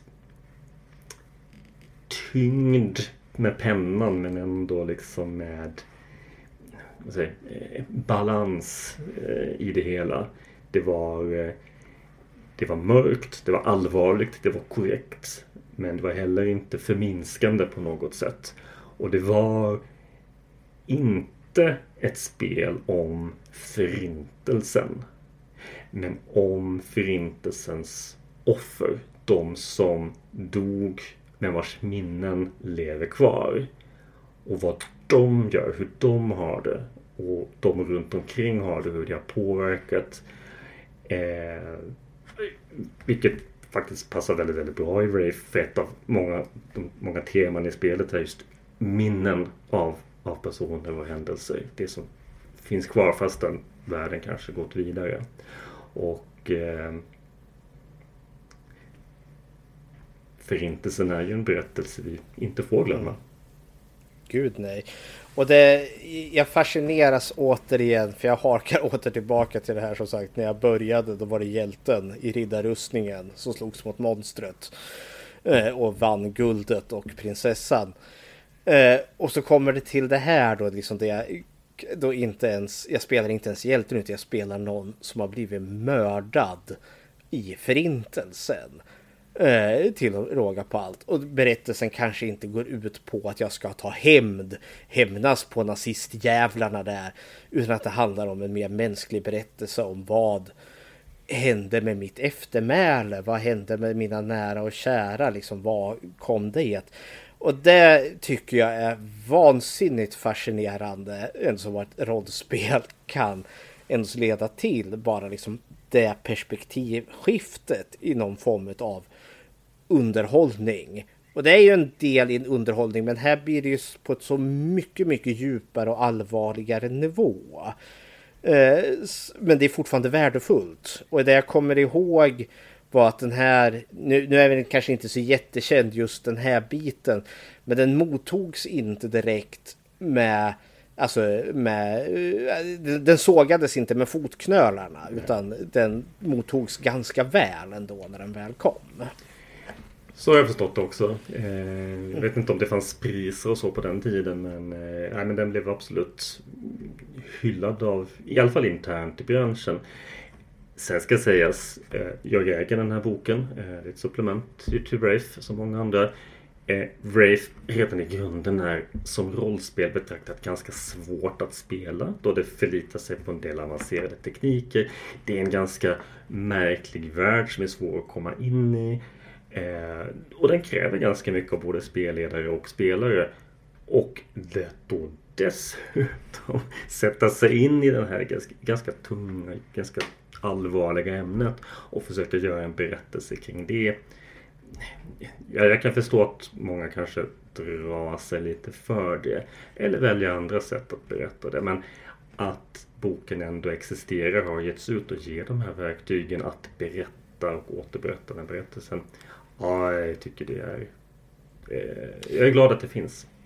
Ja, och jag är fascinerad för det är ju samma, för man kan ju spinna in i film mässigt också där. Liksom en film som Schindler's list eller Pianisten. som skildrar eh, förtrycket och förintelsen. Det är ju det är fortfarande inom kategori underhållning, precis som rollspel också en del av. Men jag går ju inte till de här filmerna liksom att nu ska jag minsann ha med en trevlig filmstund, utan man går ju in med förkunskapen egentligen liksom att ja men det här, mm, nu tar jag mig an någonting, ett ganska allvarligt ämne. Men en film här så kan jag ändå sitta ner och pausa medan rollspelet som de gjorde här måste jag också interagera i det.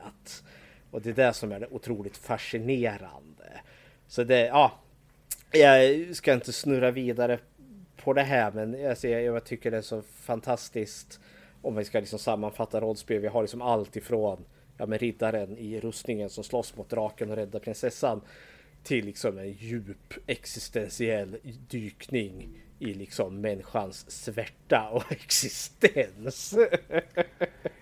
ja, och sen dessutom i botten på hela Wraith-rollspelet. Ja, du är rätt körd. Du dog. Jag dog. Av någon anledning. Du, du får inte en sprid. Du lever kvar som, en, som ett skal av ditt tidigare jag. Du har, du har ångest, du har en mörk röst inuti ditt huvud som försöker nedgöra dig. Du har yttre hot i form av en eh, bisarr diktatur som vill förslava dig. Du har eh, hot från, från monster, från ett väldigt aggressivt eh, dödsrikes klimat.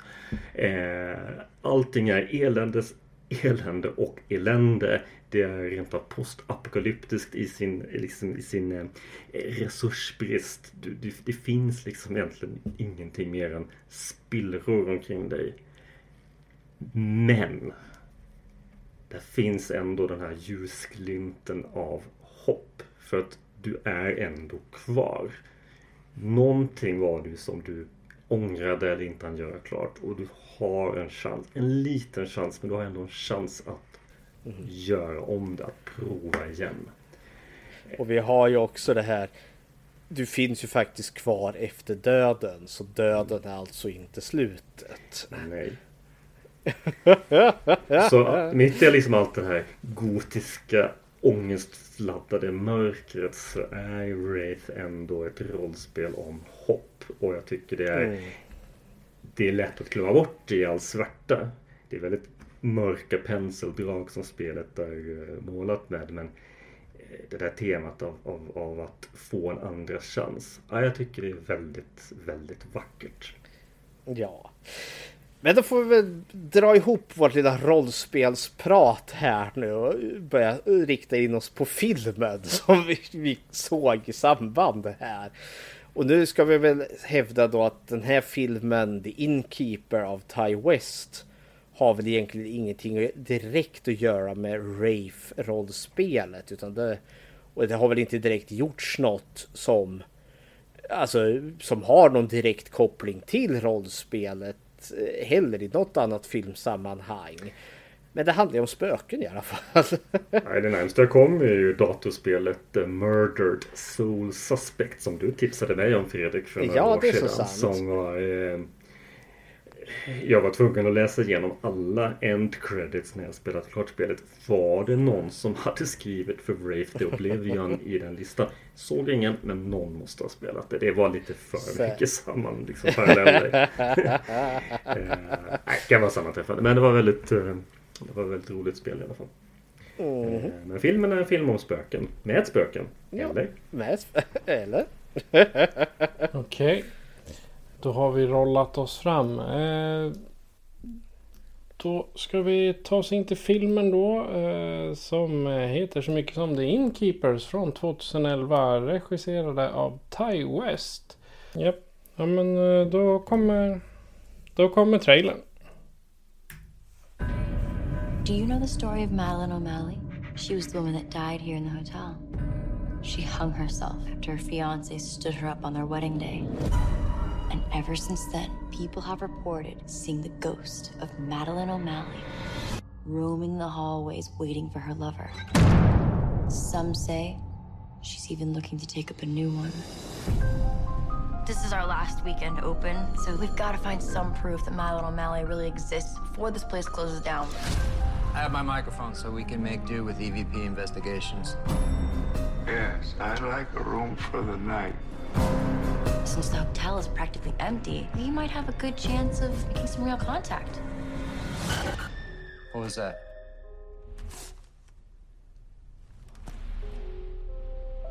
Did you hear that? Hang on.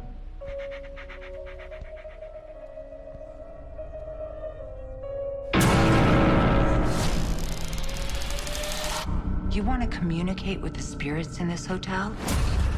I can help you do that. What do they want? To live. You mustn't go down into the basement.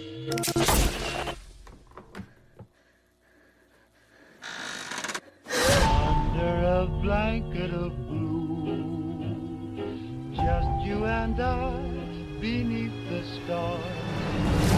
In the arms of sweet romance, the night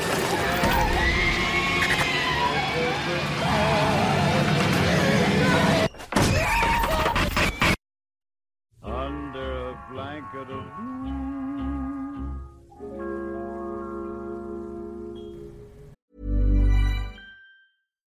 Here's a cool fact a crocodile can't stick out its tongue. Another cool fact you can get short term health insurance for a month or just under a year in some states. United Healthcare short term insurance plans are designed for people who are between jobs, coming off their parents' plan, or turning a side hustle into a full time gig. Underwritten by Golden Rule Insurance Company, they offer flexible, budget friendly coverage with access to a nationwide network of doctors and hospitals. Get more cool facts about United Healthcare short term plans at uh1.com. Hiring for your small business? If you're not looking for professionals on LinkedIn, you're looking in the wrong place. That's like looking for your car keys in a fish tank. LinkedIn helps you hire professionals you can't find anywhere else, even those who aren't actively searching for a new job but might be open to the perfect role. In a given month, over 70% of LinkedIn users don't even visit other leading job sites. So start looking in the right place. With LinkedIn, you can hire professionals like a professional. Post your free job on linkedin.com slash achieve today. I The Innkeepers är Claire och Luke anställda på ett hotell som alldeles strax ska eh, stänga och lägga ner för gott. Deras eh, sista chans alltså att eh, ta reda på sanningen bakom eh, spökerierna som påstås eh, äga rum på hotellet. Men eh, i takt med att eh, gäster checkar in så återkommer även lite gamla gäster. Okej. Men jag, jag tänker fråga dig Anders. Varför valde du just The Innkeepers till din föreläsning? Dels för att det var en film om och med spöken som inte var alltför gammal. Eh, det, var, det var ny för mig vid tillfället. Och eh, den utlovade något som jag gillar. Särskilt med spöken och spökfilmer. En, en långsam uppbyggning av stämning. Eh, inte allt för häftigt tempo och eh, inte allt för mycket eh, lätta billiga jump scares. Utan eh, mer av en eh, krypande eh, långsam eh, uppbyggnad. Och eh, med eh, en viss ambivalens kanske i fråga om vad det är egentligen som händer. Och där träffar du ju rätt utan allt tvivel med den här filmen. ja. Fredrik, när kom du i kontakt med den här första gången? Uh, ja, uh, The Inkeepers. Uh, eh, den här, alltså det är ju, jag kom i kontakt med den här egentligen genom det här bolaget Njuta Films. För det, var, det är ett svenskt bolag här då som har någon form av samarbete med Studio S-bolaget här som ger ut diverse olika filmer. Och de hade ju liksom under sin startperiod liksom inriktar de sig på jättemycket skräckfilm.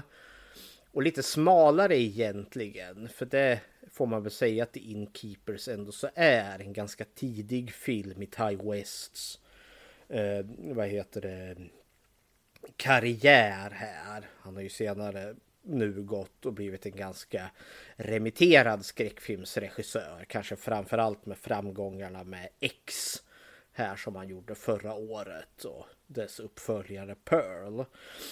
Men eh, så där, då ramlade jag över The Inkeepers bara för att eh, jag sprang omkring i den gamla hyrvideobutiken som fortfarande fanns kvar, den sista som fanns kvar här i Eskilstuna.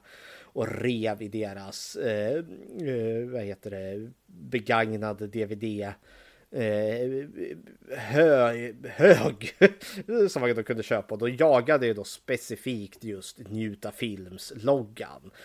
Och där är så in och så här, köp eh, 10 för 100. Där dök då The Inkeepers.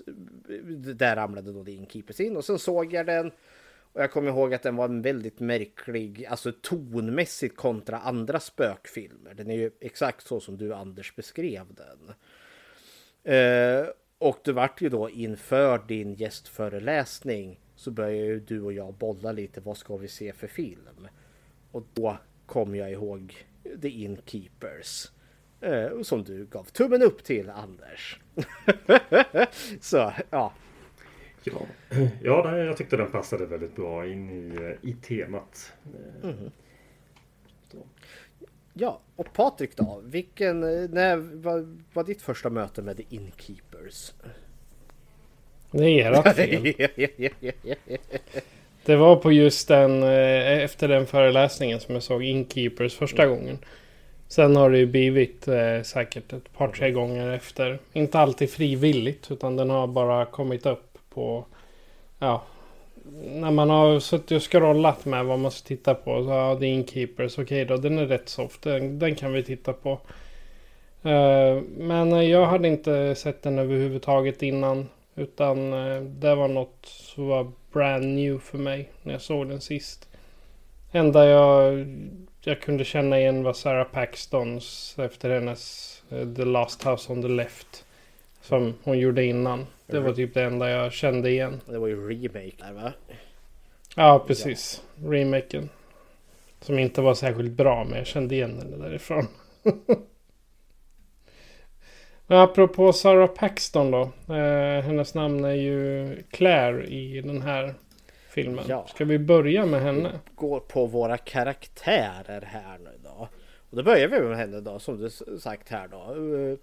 Claire och vad vi tycker om henne. Eh, jag tycker den här karaktären, alltså, nu får man väl återigen vi får koppla tillbaka lite till Ty West. Det här är liksom, han har ett signum att ha lite Alltså eh, hans filmer är enormt jäkla karaktärsdrivna. Mer så än vad de är storydrivna. Och The Inkeepers är inget undantag.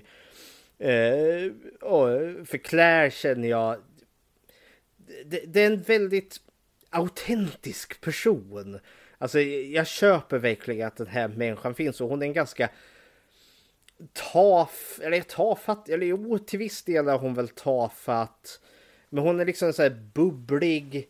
Eh, eh 20-ish. Det känns som att hon precis har slutat eh, ja, Amerikas motsvarighet i gymnasiet.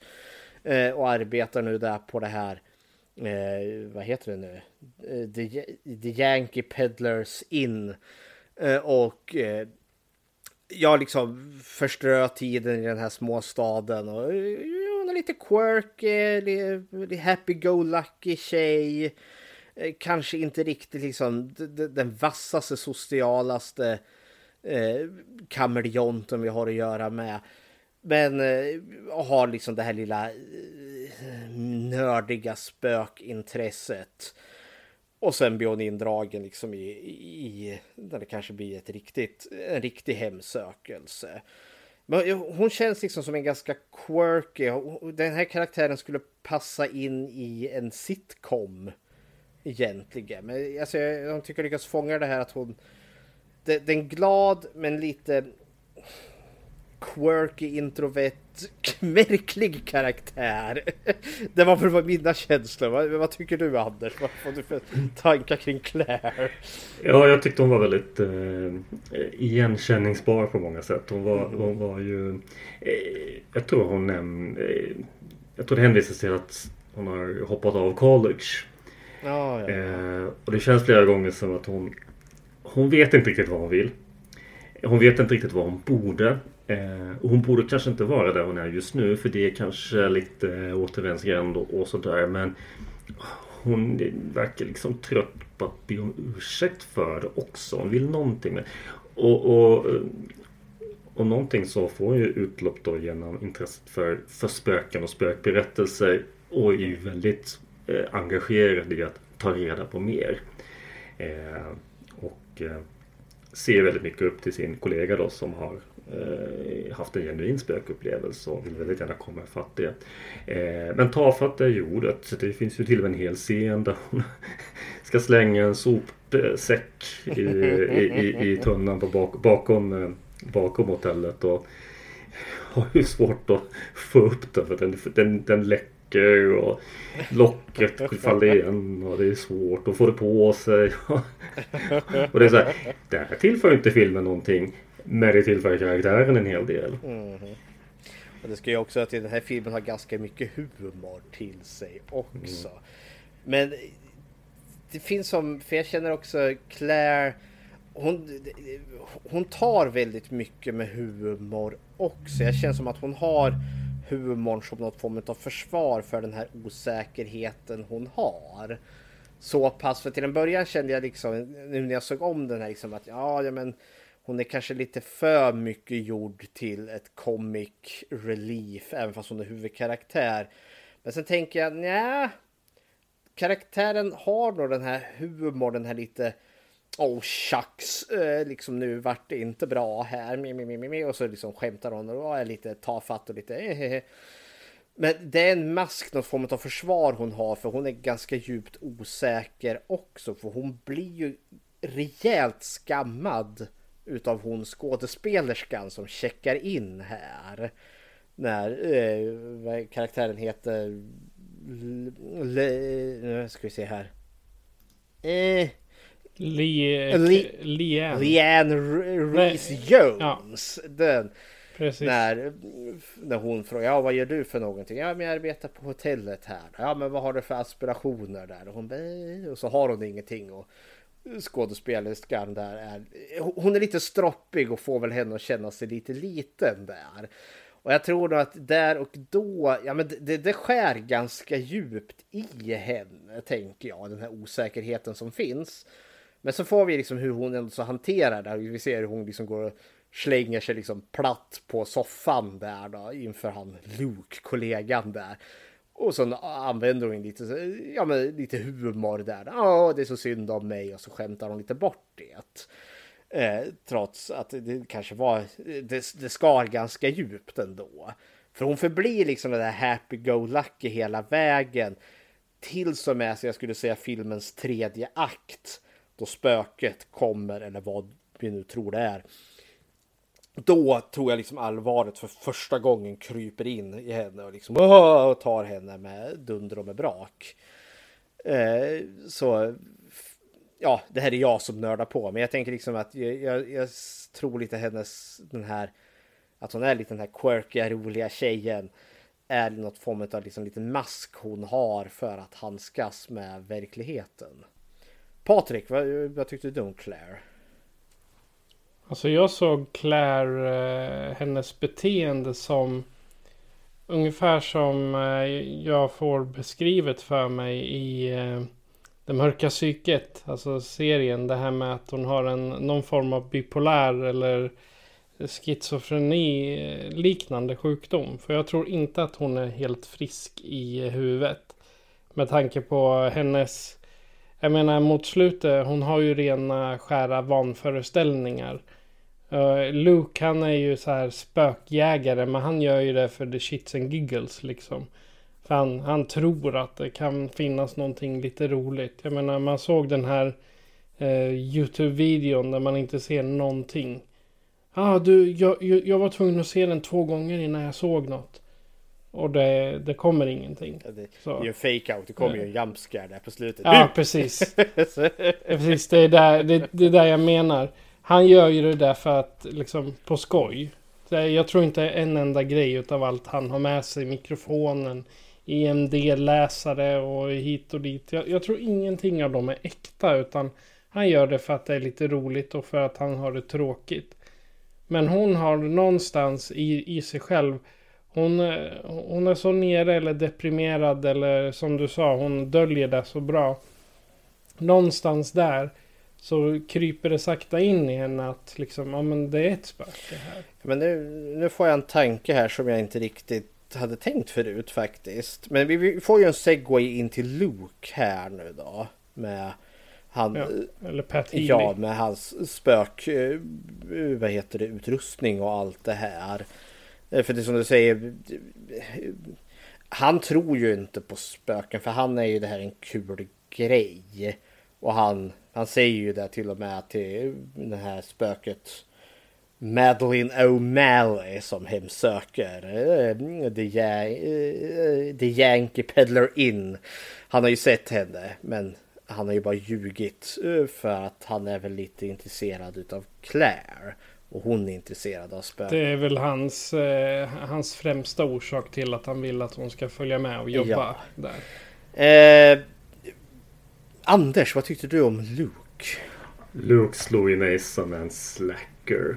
Eh, Mhm. Claire är ju lite av alltså båda är ju college dropouts och lite, Mhm. ja, de är väl inte klockrena losers någon av dem. Men de jobbar på ett småstadshotell som precis ska stänga. Jag tror inte de hade kanske tänkt sig en sån karriär.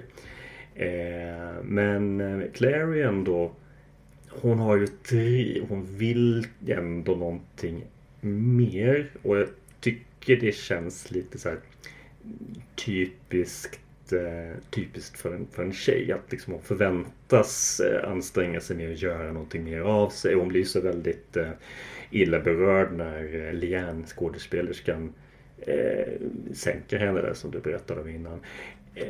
Medan Luke är väldigt bekväm med att vara en dropout och slacker. Eh, och han, ja visst, han håller ju på med eh, spökjägeriet och den här hemsidan eh, som de har skrivit eh, massa eh, legender på.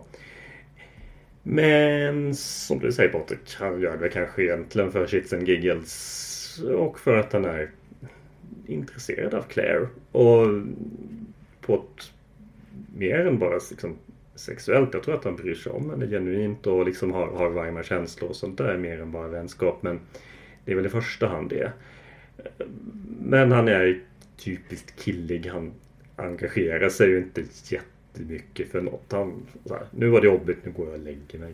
Nu var det jobbigt, nu springer jag ut från hotellet.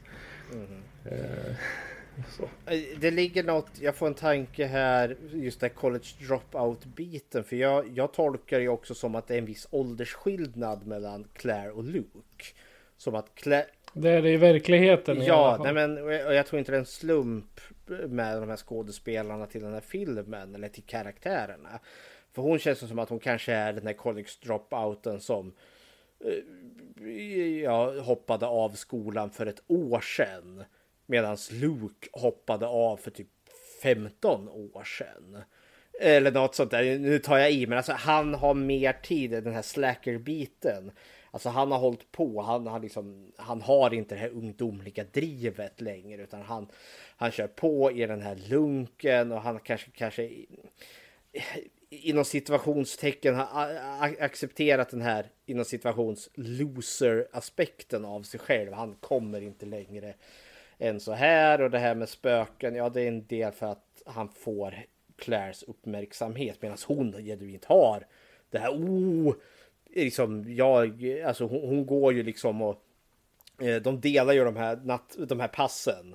Sju eh, till sju liksom eh, passen de har. Eh, och när hon har passen där så sitter hon ju olika delar utav rummet. Hon sitter i tvättstugan där och lyssnar med EP, E-mätaren. Nej, det finns ingenting här. Eh, så pratar hon in i micken. Det, det, finns ingenting här Luke, jag går till något annat ställe. Eh, för hon är liksom den som faktiskt är genuint driven medan Luke, jag, han gör inte ett skit tror jag. Han sitter och knappar på sin dator eller surfar porr får ju reda på att han gör bland annat. Men, en hel, en hel del. del. Men det är också det som är intressant för precis som du nämnde där Anders, det här att han har varma känslor för Claire. Eh, det här, eh, med, men jag upplever inte liksom att han är ett perv. Det är inte den här Claire. Det är lätt att kunna göra det liksom när han har den här internetporren som vi får se. Eh, att han har tittat på. Men jag upplever, och filmen försöker inte heller göra honom till ett perv. Han är en ganska sympatisk karaktär i sin, ja men, begynnande medelålders man. Han är inte riktigt medelålders men börjar närma sig. Har kanske inte världens liksom superkarriär yrkesmässigt. Men ändå så liksom genuint intresserad. Han är nöjd med livet. Ja, eller åtminstone han är kanske nöjd kanske mer med sig själv eller där han befinner sig. Och är väl väldigt dragen till Claire. Eh, och kanske lever upp lite genom henne. För han tar ju ändå så henne i försvar sen när hon eh, skådespelerskan kommer tillbaka från den här healing-seansen hon har varit på då ger ju han lite tillbaka på henne där, liksom kickar tillbaka lite så här hint hint. Ja, vill du vara med och dricka med oss? För jag har ju hört att du är ju glad i sponken ungefär och hon. Jaha! ungefär sådär. Nej, men förstår jag, han jabbar ju tillbaka henne för hon gjorde, hon gjorde Claire ledsen. och då liksom hugger han lite tillbaka. Eh, och så får vi ju en liten scen där de är ju lite fulla, ligger där i hotellobbyn. Eh, och pratar om spökena och så börjar han bli lite allvarlig och viktigt att han genuint känner för henne. Och hon kanske inte riktigt kom för hon kopplar jag kanske att hon har lite mer att de är vänner. Alltså vänner, vänner medan Luke kanske vill lite mer ändå. Eh, kanske önskar en lite djupare relation. Kanske inte nödvändigtvis en intim relation men alltså han Claire betyder väldigt mycket för han. Och den scen som jag känner liksom, oh, för jag blir lite nervös när den kommer. Liksom, åh nej, kommer hon krossa hans hjärta nu? Men så gör han inte, utan det kommer inte, för hon fångar inte riktigt de signalerna. Och han blir inte direkt, ja, nej men det är två väldigt mänskliga, lätt att känna igen karaktärer tycker jag. Med sina brister och fel, eller ja, fel, ja men extremt mänskliga. Sen vill jag prata om den här bedragaren. Eh, inte Pat Healing. Vad heter han? Eh, Kelly McGillis. Ja. Eller, eh, skå, eller karaktären Leanne Reese Jones. Ja. Som faktiskt är... Det är hon som är kärleksintresset i Top Gun till eh, Tom Cruise där. Ja. Eh, vilket mm. jag inte riktigt kände igen förrän jag gick in och klickade. Och liksom, Jaha, ja sådär. Hon har varit med länge den här dagen. Skå Hon är ingen vinnare i alla fall. Ingen, uh, ingen Star Trek här. Lite internt för stackars Anders här då. I våran podd, eller som vi gästar i Film till fikat. Om en skådespelare inte har varit med i Star Trek då är de en jävla loose. det är helt sant. Vad tycker, men eh, du tog ju upp henne nu Patrik. Vad tycker du om våran skådespelerska här? Alltså hon är verkligen som en, eh, ett tv-medium. Jag tänker mig det här på andra sidan eller vad det nu heter på, på trean eller femman eller vad det nu var. Går ett medium in i ett rum. Ja, jag känner en pojke här inne. Vi måste göra en solring så han kan få gå vidare. Alla står och blundar så ska jag kalla på Mikael. Så han kommer och hjälper mig. Och ja, hon står där med sin lilla kristall och svingar och Åh, det är en gast här nere. Du ska inte gå ner i källaren. Oj, oj, oj. Oj, klirr. Ja, sen vet vi ju hur det går.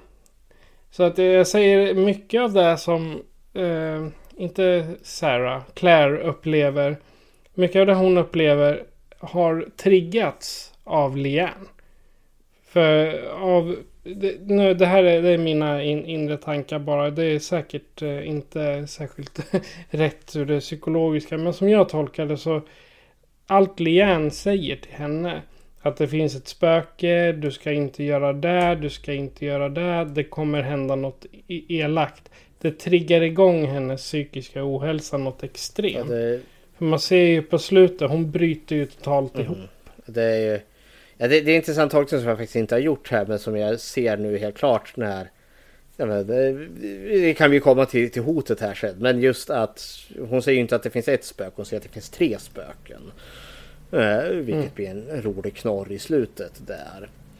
Eh, Anders, vad tyckte du om skådespelerskan Liane? Ja, jag gör inte alls samma tolkning som Patrik. Mm -hmm. Men det var väldigt intressant. Jag har inte heller riktigt sett det på det sättet innan. Jag är mer välvilligt inställd till henne. Eller har varit i alla fall. Nu börjar jag tveka lite. Eh, men, men jag, jag, tror nog ändå att hon, hon menar absolut ingenting illa. Jag, jag, jag håller nog inte riktigt med att man är som ett typiskt tv-medium i den avsikten. För att jag tror att hon genuint är andligt intresserad och lite spirituell sådär. Men om hon bedrar någon, ja då gör hon liksom bedrar hon nog sig själv också i sådant fall. Eh, och oavsett hur det är med den saken eller inte så hon och Claire uppmuntrar nog varandra där ett tag. Eh, vilket kanske då möjligtvis får konsekvenser eh, i berättelsen. Eh, helt klart är ju Claire fascinerad av henne. Hon är ju ett, hon är ett stort fan för att Liane är ju den här skådespelerskan som var med i någon kult-tv-serie för länge sedan. Och, och, och, och, Claire är ju starstruck. Men så visar det sig att Liane också kan vara lite av en eh, ja, väldigt otrevlig person. Eh, särskilt när hon har druckit lite. Eh, och sen så pratar de om saken och eh, försonas lite grann. Men ja, eh, hon, hon Claire söker ju stöd hos henne några gånger under filmen. Men får antingen inget stöd för att Leanne sover väldigt tungt. Eller får kanske fel sorts stöd. Mm. Ja, men Leanne tänker jag, alltså hon är ju en auktoritetsfigur. Där. Det är som du säger, där, alltså, Claire, det, hon är starstruck. Oh, skådespelerskan, den här tv-serien som jag vuxit upp med. Men sen också just där eh, att vi får ju den här, ja då, då Leanne eh, egentligen lite, eh, ja, hon, jag vet inte hur mycket det är medvetet, men hon skapar ju en stämning av att jaha, du lilla du där liksom. Hon, hon, eh, hon, eh, hon blir ju verkligen, sätter ju sig på en pedestal så mycket högre än stackars Claire där och får Claire att känna sig liten. Eh, men sen biter ju Claire tillbaka efter att hon har fått vad hon tror är då en, eh, en ljudupptagning med spöket där som sitter och spelar piano. Eh, där eh, hon är helt extas där, springer och liksom försöker väcka en väldigt sömndrucken Luke. Eh, och liksom berätta om sin upplevelse. För då kommer ju hon i trappen. Äh, kan ni lugna ner er? Det är lite stökigt här ute. Ja, vi försöker sova. Och då biter ju Claire ifrån mot henne. Och då blir hon lite ställd liksom och känner jaha okej. Okay. Och jag tänker liksom att det har växt någon form av respekt hos henne. Liksom. Hon kunde faktiskt bita ifrån. Och då Eh, i och med att de pratar om spöken och då visar sig att hon finns ju. Hon är ju det här mediumet. Hon har den här kristallen. Hon kan prata med dem. Och då blir ju Lian något mycket mer. Alltså en eh, allierad på ett annat sätt än vad Luke är eftersom att hon tror ju på spöken. Sen, eh, för jag är inne på ditt spår Anders, att hon genuint tror på det hon gör. Sen om hon är ett riktigt medium eller inte, det vette fåglarna. Men hon tror nog att hon genuint kan prata med spökena. Sen om det liksom är bokstavligen spöken, om hon ser in i framtiden som hon säger att hon kan göra. Eller om det här egentligen är fantasier som sätter en boll i rullning. Det är väl det upp till betraktaren att avgöra. Eh, men vilket jag tycker har varit en intressant tolkning jag faktiskt inte har tänkt på innan förrän du tog upp det Patrik. Att liksom att allt, allt det här faktiskt kanske kan vara att Claire i sin tur är i, i, kanske allt kan, kanske kan förklaras med att hon är psykiskt labil och ser saker som inte finns där. Men sen har ju filmen också, den bygger ju också tillräckligt för att ge ett genuint tvivel att ja, men det kan faktiskt vara hemsökt också. E-, eftersom att Luke får ju lite av en, upp, en närvaro eh, där också. Men så kan man ju, ja, frågan då. Men vi kanske sparar allt det här till, till hotet. Då. Men jag, jag gillade karaktären Leanne för hon, hon går lite fram och tillbaka och det är just så där att hon blir den som bollar till Claire sen. Eh, för då känns det liksom, ja men då får jag lite sympati tillbaka till henne. Och är inte det lite så här manipulativt, så här dåligt förhållande egentligen där liksom, jag neggar dig. Sen ger jag dig lite någonting och då blir jag ju glad igen. Men egentligen så tror jag inte att den här karaktären Lian är ett ass egentligen. Utan ja men som sagt. Hon, hon var lite dragen. Hon var, mötte en starstruck fan. Hon är skådespelerska. Det är inte första gången hon möter någon. Och så liksom, ja, tafatt liksom fan. Så ja, och så vart det så vart. Ja, ja. Ja, hepp. Men... Eh, Okej. Okay. Ja. Eh, jag vill bara nämna eh, arga mamman där. Alison Bartlett. Okay. Hon var bara... Det, är, det är så kul. Hon är ju Emmy-nominerad också. nu ska jag säga. Eller hon var Emmy-nominerad för en Broadway-produktion. Så att, men det är typ det enda, enda hon har gjort som man är förutom tv. TV. Hon har varit med mycket i Sesame Street. Mm. Som en röst Faktiskt. då eller? Ja precis. Ja. Gina. Jaha, okay. en, en utav dem. 256 avsnitt var hon med i Sesame Street. Så jag tror att det är hon som är den eh, röda figuren. Jag kommer inte ihåg vad han heter. Elmo? Ah, Gina spelar hon i alla fall. Nej, inte Elmo. jo. Eh, ja, det, det är inte han. Eh, ja, det, hon, hon är på bild till Elmo men ja. Sak samma. Ja, ja. Det finns det finns ju... Eh, hon, hon, var en sån här typiskt arga mamman som bara Kan ni hålla tyst? Vi har min son försöker sova. Ja men henne tyckte jag faktiskt genuint synd om. För hon är faktiskt så, Hon ja. är där på, för att hennes otäcka kar beter sig illa. Och nu har hon tagit sonen och stuckit därifrån. Hon vill bara ha handdukar in till sitt så till, till hotellrummet och Luke kan inte bry sig mindre för han tycker att hon är en jävla gnällig kärring.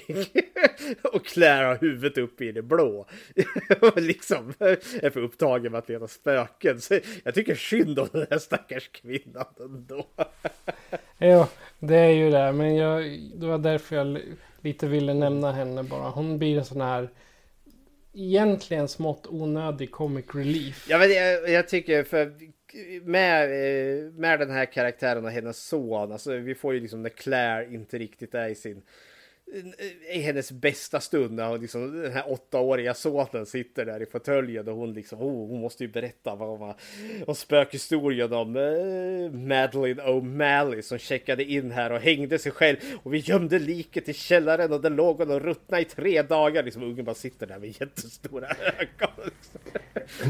Jag tyckte att det var en eh, väldigt eh, effektivt användande av den här birollen för att eh, då kunde ju Claire just berätta det där för publiken utan att vara så himla övertydlig med det. Hon hade ju kunnat berätta det för Luke eller så här. Som du vet Luke så. Ja, då slapp man i alla fall det. Så lite smidigare skrivet. Och dessutom fick vi en väldigt awkward scen då när Claire blir utskälld och egentligen inte har något att säga. Och så får man lära känna Claire lite mer också. Att hon är en person som kanske gör bort sig på det sättet. Ja, och det är också så briljant för det ungen säger när han springer till sin mamma är ju att han säger att den där kvinnan sa att ett spöke kommer, ska komma och ta mig. Nej, det var inte alls det hon sa och det är ju det hon säger, men det är exakt så ett barn resonerar. Hon sitter och berättar en spökhistoria och ungen internaliserar, alltså tar ju det till sig direkt. Liksom, det här spöket kommer och mördar mig sen. Annars liksom har vi ju inte, alltså vi har ju, de karaktärer som finns kvar är ju den här äldre mannen och så har vi den här baristan. Eh, som, och det är ju mindre karaktärer som vi kanske inte behöver lägga så mycket tid vid. Om, om inte någon av er... Den eh, deprimerade baristan. Spelade av Nej, det var... Lena Dunham ja. för övrigt. Ja, ja, ja, se det. Hon som behövde dela med sig av sina kärleksbekymmer. och, sen, ja. och sen den äldre, ganska läskiga gubben som har kommit till hotellet för att ja, avsluta sitt liv visar det ju sig i slutändan. Där. George Riddle. Ja. Men vi, folk checkar ju in här då. Är det dags att börja prata om platsen? Ja, jag tänkte Anders kanske kan få börja för det här är ju close to home för dig. Ja, det är det. Och jag, jag tänkte nog inte på det så mycket första gången jag såg filmen. Men när jag såg den andra gången så tittade jag lite närmare på just hotellet Yankee Peddler. Och tänkte på det liksom när man ser exteriörskyltar. Och jag såg eh, en del av lokalerna som skymtade förbi i bakgrunderna och hur saker och ting såg ut. Vad, vad det fanns för saker framme och i bakgrunden. Så jag tänkte att vad sjutton, har de spelat in det här i ett riktigt hotell? Jag har inte kollat upp det men, men det känns lite som att de har det. De tackade Yankee Pellerin in i eftertexterna i alla fall. Och, eh, kanske att åtminstone en del scener är att de har lånat ett hotell. Eh, ett typiskt litet småstadshotell i Connecticut. Eh, för att eh, jag, jag, tyckte att det fanns så här. Det här lägger man inte in i en scen om man bara liksom är scenograf och bygger upp scenen från grunden. Utan det här, det här är liksom, traven med stolar och korgar med smutsig tvätt och köksutrustning och hur hela lobbyn såg ut. Inredningen. Det, så här, det var en viss tidsera. Det var liksom lite gammalt och charmigt fast det var också lite 90-tal och nytt. Fast inte särskilt nytt alls. Som, som liksom gjorde att det kändes väldigt, som en väldigt äkta plats för mig. Eh, och visst, jag har jobbat på hotell och, och sådär men eh, jag tänk att den nog känns äkta även för, för andra eh, människor. Eh, det är ju helt klart inget nytt och flashigt hotell. Eh, tvärtom ganska litet och ja, nu tänker de ju lägga ner det också. Eh, men det gör ju då att jag tycker det bidrar till att göra det till en, till en plats. Eh, ja, men de, och en plats med historia och karaktär. De ska väl inte lägga ner det helt? De ska slå igen för säsongen för att de ska renovera det? Nej, eh, nu nu, nu, hugger jag in här. I, okay, i, ja, men det kan vara jag som har misstolkat. I filmen så ska alltså det bokstavligen lägga ner om två veckor. Alltså det går i ägaren ska sälja huset. Han är på Barbados eh, och solbadar just nu. Men The Yankee Peddler Inn är som sagt det är ett riktigt hotell som de har spelat in ja. på. Eh, det existerar i, eh, på 93rd Main Street, Torrington, Connecticut, USA. Ja, och då eh, med rötter tillbaka till 1891 grundades det. Sen eller köptes det av de dåvarande ägarna och det har 52 rum allt som allt, tre våningar. Och de ska ha ett spöke där också.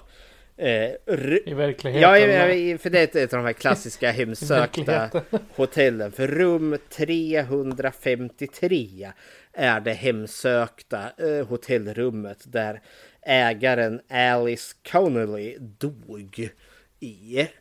Så det är det som är hemsökt. Och det är också rum 353 som den här äldre mannen checkar in på. Eh, som det, The Honeymoon Suite som han senare tar livet av sig i. Och det var ju lite kul ändå. Ganska groteskt ja. sätt att ta livet av sig också. Ja, han skär ju handlederna i badkaret där. Nej, men det var ju snyggt att de eh, använt en riktig plats på det sättet. Och då har de ju säkert använt eh, gamla foton och sånt där och visar upp i både förtexter ja. och under filmens det, gång. Ja men för i stort sett så för det riktiga eh, Yankee Peddler Hotel eller eh, Yankee Peddler Inn. Dels hade de ju här ryktet om att vara ett spökhotell. Eh, så, så de tyckte ju det var en kul grej och det här är ju en lite independent, alltså lite lägre budget hade ju den här. Så, så de tyckte inte det, att det var helt fy skäms att Ty West gjorde sin spökfilm i deras liksom eh, hotell. Eh, för grejen är att för filmen är ju gjord eh, 2011 eller åtminstone fick release 2011. Den är ju inspelad innan dess. Eh, för själva Yankee Peddler In den stängdes 2015 eh, på grund av en renovering som de skulle ha då. Tanken var att hotellet skulle öppnas igen men deras budget tog slut. Så liksom renoveringen som skulle vara tillfällig vart liksom hotellets stängning. Men den kom tillbaka 2018 kunde jag läsa mig till. Men då under Best Western Plus. Eh, det var ju längre inte ett familjeägt för, alltså privatföretag utan nu är det en större koncern som har gått in och driver en del av dem. Jag förstod det rätt. Är det någon som säger det någonting? Hotellkoncernen Best Western? Det är ju mer ja, okay. franchisekedja så det kan fortfarande vara en enskild ägare. Men det är klart, då har man satt en annorlunda prägel på det. Då ska det finnas då ska man erbjuda medlemsprogrammet och då ska det finnas vissa logotyper och då ska det vara det ena och det andra. Så att det blir liksom inte riktigt samma personliga längre. Plus att om man då renoverar eh, så blir man ju av med den där väldigt äh, gammaldags, lite tafatta, lite så här hotelliga inredningen som, som de har där. Jag tänker det är 80-90-tal någonting. Eh, om jag får fortsätta lite grann om, om själva liksom hotellet och platsen också så är det liksom jag tänker på en, del, en hel del scener, kameratagningar är ju väldigt så här, spökfilmslika. Det, de näst, rör sig nästan inte alls. Det är liksom en stilla scen. Det är ingen i bild. Eh, kanske panorera lite grann.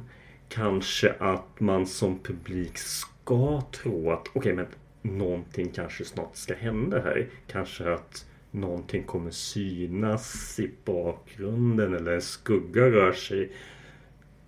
Mm, gör det egentligen inte utan det här är nattpasset på hotellet. Allting är tyst. Lamporna är tända. Det är ingen där för tillfället.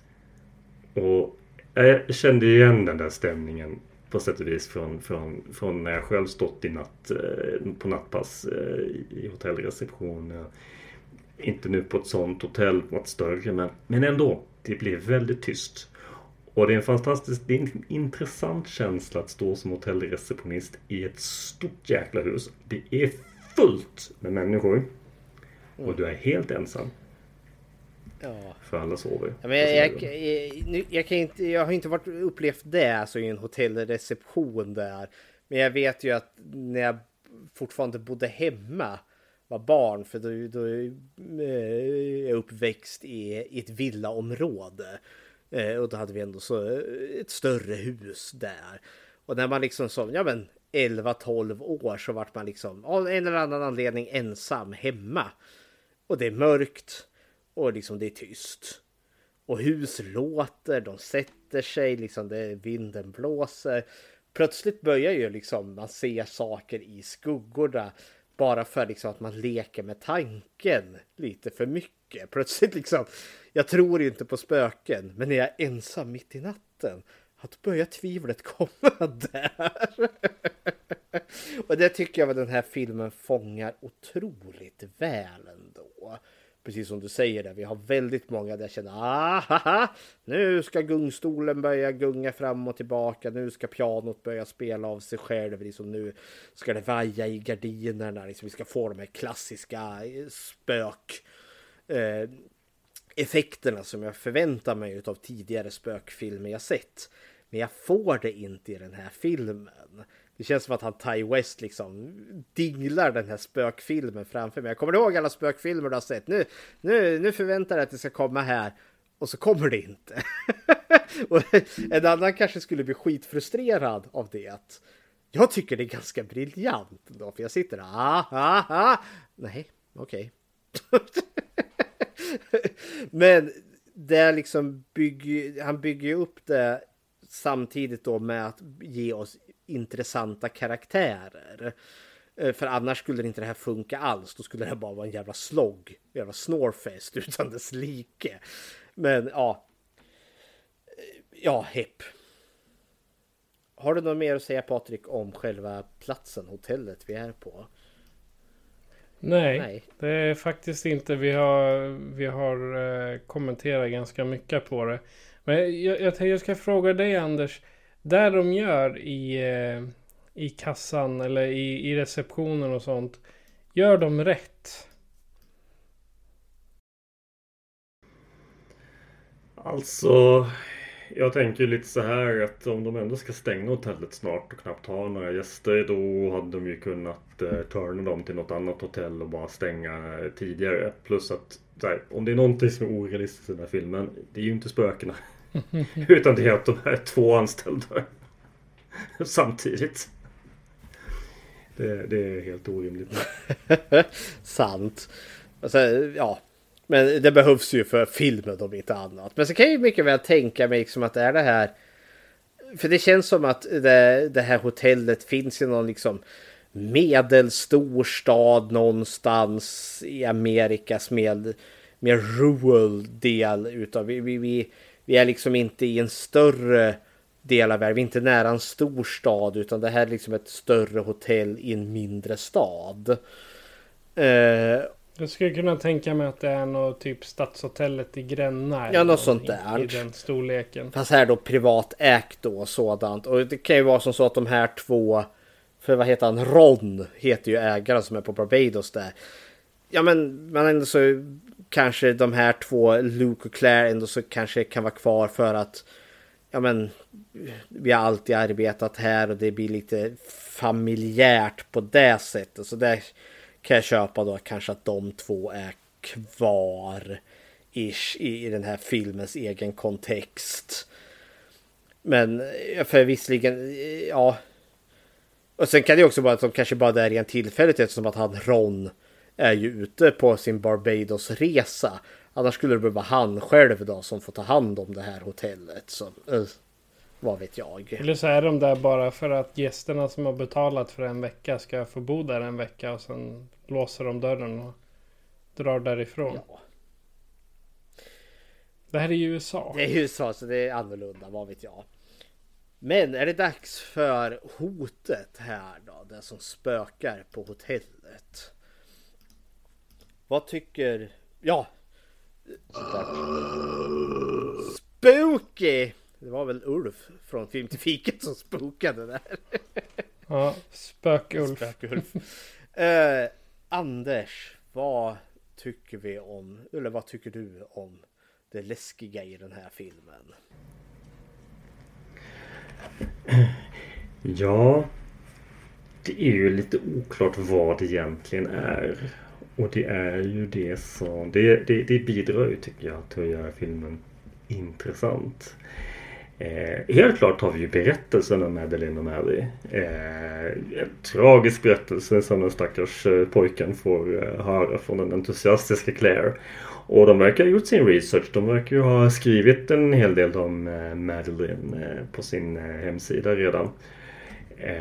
och det, det, det är ju en väldigt klassisk spökberättelse. Eh, hon eh, lämnades eh, vid altaret eller vad det var och tog livet av sig. Och, eller vart instängd och ja, men hur det var liksom. Och ägarna till hotellet de ville mörka det och allting blev skandal. Och tragedi. Och nu är hon kvar på hotellet sedan dess. Och jag tänker mig att det finns säkert ganska många berättelser som, precis som den här. Eh, väldigt, väldigt eh, det är ingen långsökt spökberättelse. Tvärtom väldigt, väldigt eh, klassisk. Och eh, allt vad det lider så eh, får vi ju genom Claires ögon i öron möta Madeline. Och jag säger med Claires ögon i öron här då för att som Patrik antytt så kan vi lita på, på att det hon upplever verkligen händer så som hon så som hon upplever det. Ja, eh, exakt så. eh, spöket som hemsöker här. Eh, är, finns spöket där överhuvudtaget eller har vi någon form av bryt i eh, Claires verklighet här? Där vi kanske har någon form av perfekt storm som har uppstått av en, ja men Claire som kanske alltid har velat trott på spöken här men börjar nu kanske hamna i något form av dåligt psykiskt mående så att hon kanske rent av börjar få vansinnesföreställningar. Och Leanne som mediumet som kan se spöken. Luke som har kört den här Madeline och Mally spökhistorien och liksom göt henne med det. Är det en perfekt storm som kommer här som leder till att ja, det, det går som det går i slutet. Fantastiskt intressant eh, tolkning som jag inte har gjort till den här filmen förr. Men om man bara ska ta den på rakt upp och ner, huset är hemsökt. Så är det här eh, en fascinerande berättelse ändå om det är ett spöke. För vi, vi har ju inte den här klassiska spökberättelsen. Liksom, om man tänker sig med Hollywood och en, en spökberättelse då är det ju kanske lite mer åt Insidious eller Conjuring hållet. Det är liksom en osynlig kraft som smäller i dörrar och det kommer plötsliga ljud och liksom någon som drar i en eller drar en ut ur sängen eller allt det där. Mycket det här liksom explosiva boo boo boo. Alltså jump scares står härliga till. Den här filmen har väl egentligen inte en enda jump scare förutom den gången då Luke lurar Claire. liksom att ja men kolla på den här filmen och så får vi en sån här ultraklassisk jumpscare där någonting läskigt hoppar fram och säger bu. Sen använder ju filmen aldrig det överhuvudtaget. Eh, och det är många gånger vi inte ens har det är veckan då hon sitter där i hotellreceptionen och liksom lyssnar med EP-mätare och det är liksom det, man hör elektriskt ljud och jag kommer ju på mig själv sitta där. Äh, hör jag någonting där? Äh, äh, Den enda gången det händer är ju i vid pianot. Det är då den enda gången vi får något genuint som kan vara övernaturligt då. Där hon äh, hör eh, det är väl Madeline och Mally som gråter och sen kommer pianospelaren. Det är egentligen de enda gångerna för sen spöket i sig lyser ju väldigt mycket med sin frånvaro. Vi får se henne stod tre gånger i filmen överhuvudtaget. En gång när, hon vände, när Claire vänder sig i sängen och så ligger hon bredvid. Och sen i filmens tredje akt när hon har hittat döda gubben där. Och sen eh, vänder hon sig om och då hänger Madeline och Mally i taket där. Blä. Och sen precis i slutet när, eh, när Madeline dör i källaren där vänder hon sig om och sen är ju Madeline där. Eh, liksom vi får, får, se hennes läskiga ansikte. That's it! Hon är inte med mer än så. och det är ganska briljant tycker jag i en spökfilm. Eh, eh, vad tycker ni? Men absolut, man ska vara eh, sparsam med övernaturligheterna. Det tycker jag gäller i de flesta skräckfilmer. Eh, det lämnar lite mer till fantasin och jag tycker det finns en väldigt eh, laddad scen där Luke och Claire går ner i källaren. Mm, ganska uppjagade nervösa redan men de ska försöka se vad de kan spela in. Och Claire är ju uppenbart väldigt på tå. Eh, och säger ju till slut att hon kan se Madeline bakom Luke. Men vi ser ju inte vad, alltså kameran visar ju inte det. Kameran visar Luke som blir mer och mer uppskrämd. Och visar Claire som, som, som är mer och mer fascinerad nästan. Eh, och sen tappar Luke Ja, och det hör ju till också för att det, Luke säger, han, han har ju EPE-mätaren och hörlurarna på sig där som Claire hade när hon hörde pianot som spelade där innan. Och vi får ju faktiskt Luke innan hon säger att hon ser eh, Madeline bakom honom. Så blir alltså det så har hon byggt upp en liten stämning där och han börjar komma in lite i den. Men han säger också vad var det? Och så liksom eh, handen upp till hörluran ungefär som att han har hört någonting. Men vi som publik får inte höra det han säger att han hör. Lika lite vi får inte heller se det Claire säger att hon ser bakom honom. Vilket då blir det här lite briljanta liksom. Ja, är det liksom eh, Madeline och Mally där som spökar bakom Luke eller har Claire Eh, liksom vansinnesföreställningar som vi inte får se? Men i och med att hon är ju så exalterad och så övertygad eh, så liksom kan jag förstå liksom att det smittar av sig på Luke. Han blir ju freaked out. Liksom, Nej, det, oh, det är ett spöke bakom mig. Ah, jag måste bara härifrån för det här är liksom för mycket. Eh, men hela tiden liksom nu som med den här tolkningen att ja, kanske inte fanns ett enda spöke där överhuvudtaget utan det är bara en perfekt storm utav vidskepelser. Eh, för, och som kanske hon eh, Leanne också är inne på där då, liksom att hon säger att det finns tre spöken. Och, och, i slutändan, om man nu ska ta det så har vi ju tre spöken där. Då. Vi har Madeline, vi har den gamla gubben som dog och sen då är väl Claire, det tredje spöket då, som dör där i källaren. Eh, eller så är det inte så. Eh, vi får ju visserligen en dörr som stänger sig precis i slutet. vad, vad säger ni då? Vad, vad, är den, vad är er tolkning? Är The Yankee Peddler In, är det hemsökt eller är det inte hemsökt? Vad säger du? Ja, Anders? Eh, ja, jag lutar åt att det är hemsökt. Men eh, det handlar ju lite om att jag gillar ju spökberättelser. Eh, och jag tror inte på spöken personligen. Jag, jag har väldigt svårt att passa in dem i, i min rationella naturvetenskapliga världsbild. Men inom ramen för en fiktiv berättelse där det kanske kan finnas spöken eh, där spökena är en möjlighet. Ja, men då, då, då vill jag ha spöken. Så jag, jag väljer nog ändå liksom att det var någonting där i huset. Och det påverkade Claire väldigt starkt mot ett tragiskt slut. Um, men filmen gör ju väldigt effektivt eh, en tveksam till hur det egentligen ligger till. Det är, den, det är, den är inte ensam om att göra så. Det är väl många andra filmer som har lämnat det öppet för tolkning. Eh, men jag tycker att den är Ja, den gör det väldigt effektivt med enkla små medel. Patrik, vad säger du? Är det Yankee Peddler In? Är det hemsökt eller är det inte hemsökt?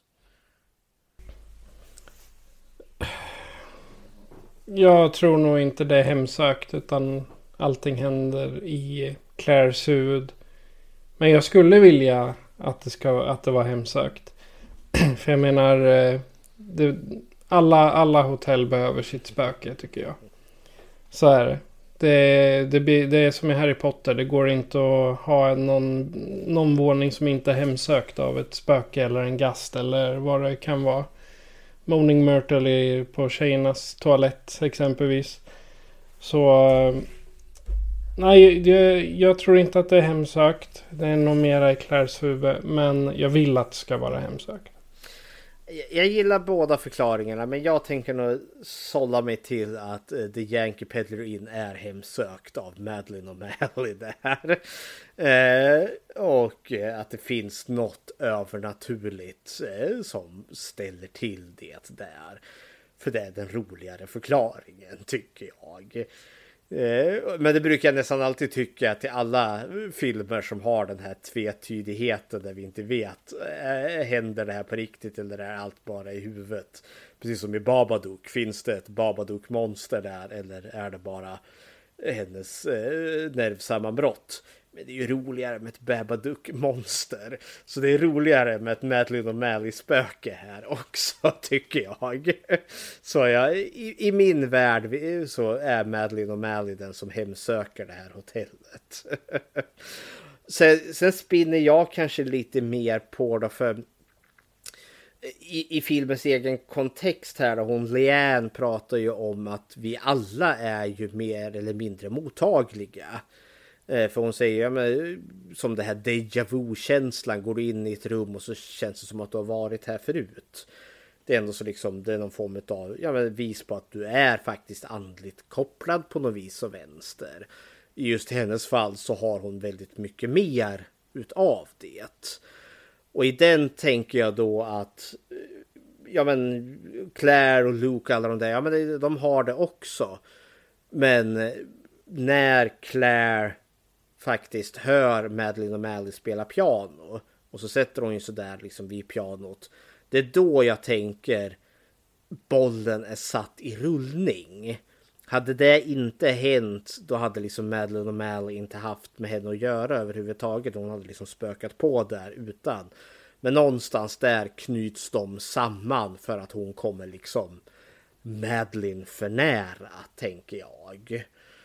Eh, och lika så med gubben som tar livet av sig. Hon, för han, han kommer ju också där som ett läskigt spöke i slutet där. Eh, som hon ser i, i källaren där sen. Så jag tänker liksom, ja men hon eh, har öppnat upp, eller hon som alla andra i den här filmens kontext har den här kopplingen till spöken i den andra världen. Men nu liksom har den blivit starkare och då knyter de här an, tänker jag, på något vis och vänster. Och jag tänker att Det klär dör av, att hon dör väl av skräck, rätt och slätt. Jag vet, filmen hintar väl åt liksom att hon dör av en astmaattack, ska väl vara förklaringen. Men det köper jag inte riktigt.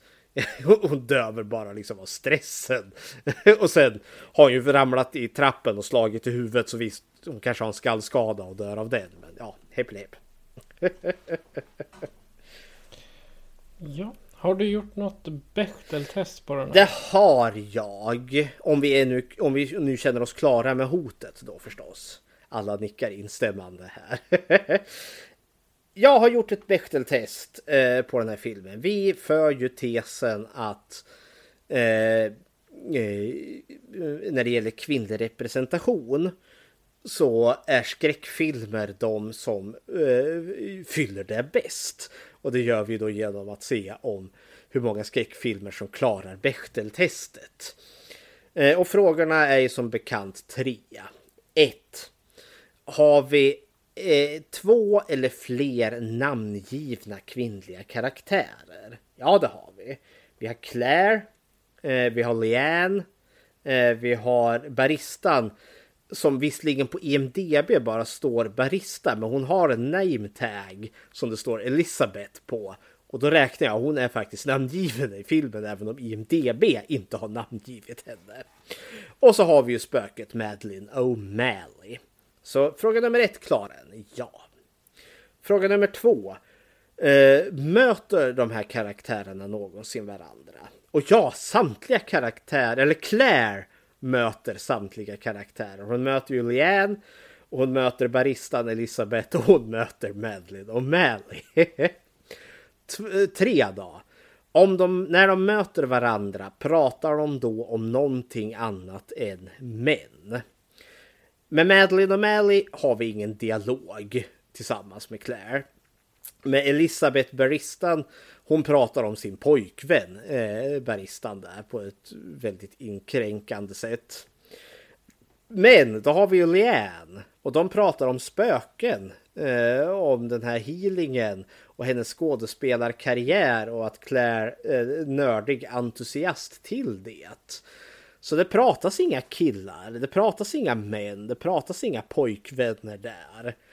Så då klarar också den här filmen fråga nummer tre och med det så klarar Inkeeper Bechteltestet.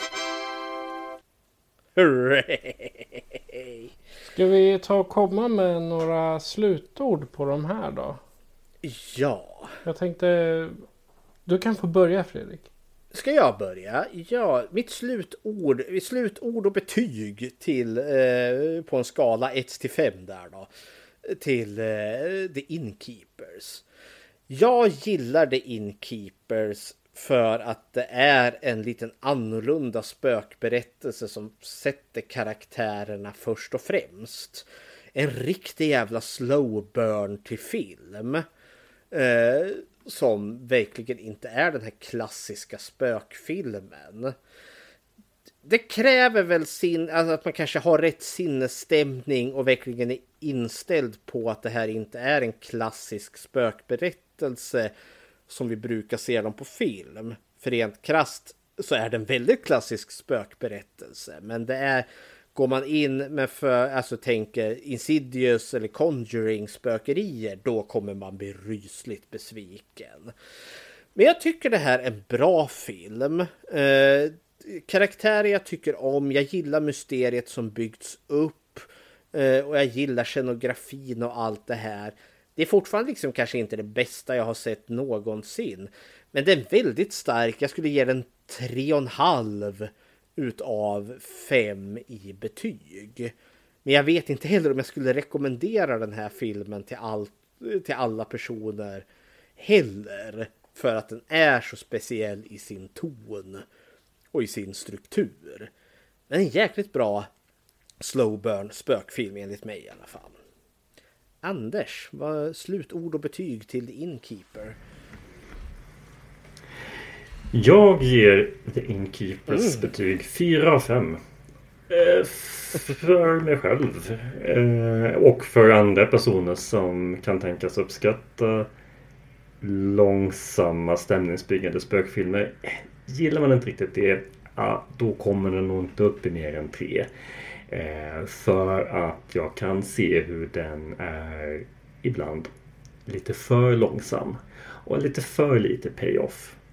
Eh, men payoffen den finns ju där i karaktärerna och i eh, platsen och den stämning som byggs upp när de vistas på den.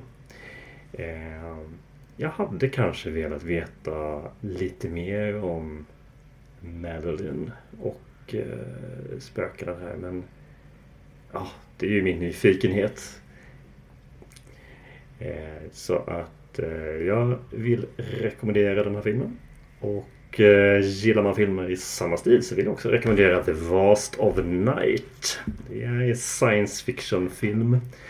Men eh, definitivt en slow burn med lite ambivalenta budskap. Patrik? Ja, Inkeepers är ju... Den är rätt... Eh, man måste ha, ha, rätt... Man måste vara i rätt eh, humör för att se den här. Man måste ha rätt önskemål för att se den här. För det är en väldigt speciell film. Eh, det är ju inte någon som du kan eh, sitta och... Det är inte en chips och ölfilm. Skulle jag vilja säga. Alltså, det är ingenting du sätter dig med polarna för att, att skratta till. Utan det här är en film som är spännande. Som du ska sitta och liksom eh, sitta som på nålar. För man vet ju från första början. Ja, i, I storylinen så. Hotellet är eh, hemsökt. Det bor nästan inga människor där. Och en massa konstiga saker händer. Och sen så hela tiden kommer de här scenerna där att det kanske händer nu. Eller nej det hände inte ännu. Kanske kommer, ja eventuellt. Ja. Sen fortsätter man sådär lite fram och tillbaka och hit och dit. Och hipp som happ. Bang! Så händer det. Så att för mig får den 3 av 5. Och jag skulle nog inte rekommendera den till någon som bara vill ha ren och skär underhållning. Men en till eh, en person som är intresserad av mänskligt beteende. Så skulle jag definitivt ange den här som en, eh, en bra studie att studera och eh, eventuellt göra idéer om vad, vad som är fel på Claire. That's it. Men om du som lyssnare då känner att eh, du har ett spöke hemma som du tycker vi ska städa bort eller om du har någon annan spökfilm du vill att vi ska se kan du göra så här för att kontakta oss. Skräckfilmscirkeln presenteras av Patrik Norén och Fredrik Rosengren. Produktion FPN Productions. Besök skräckfilmscirkeln.com för att hitta var du kan lyssna på oss, hur du kan stödja oss och hur du kan kontakta oss. Vill du diskutera filmerna i avsnitten är du välkommen att gå med i gruppen Skräckfilmscirkeln Eftersnack på Facebook. Tack för att du lyssnar.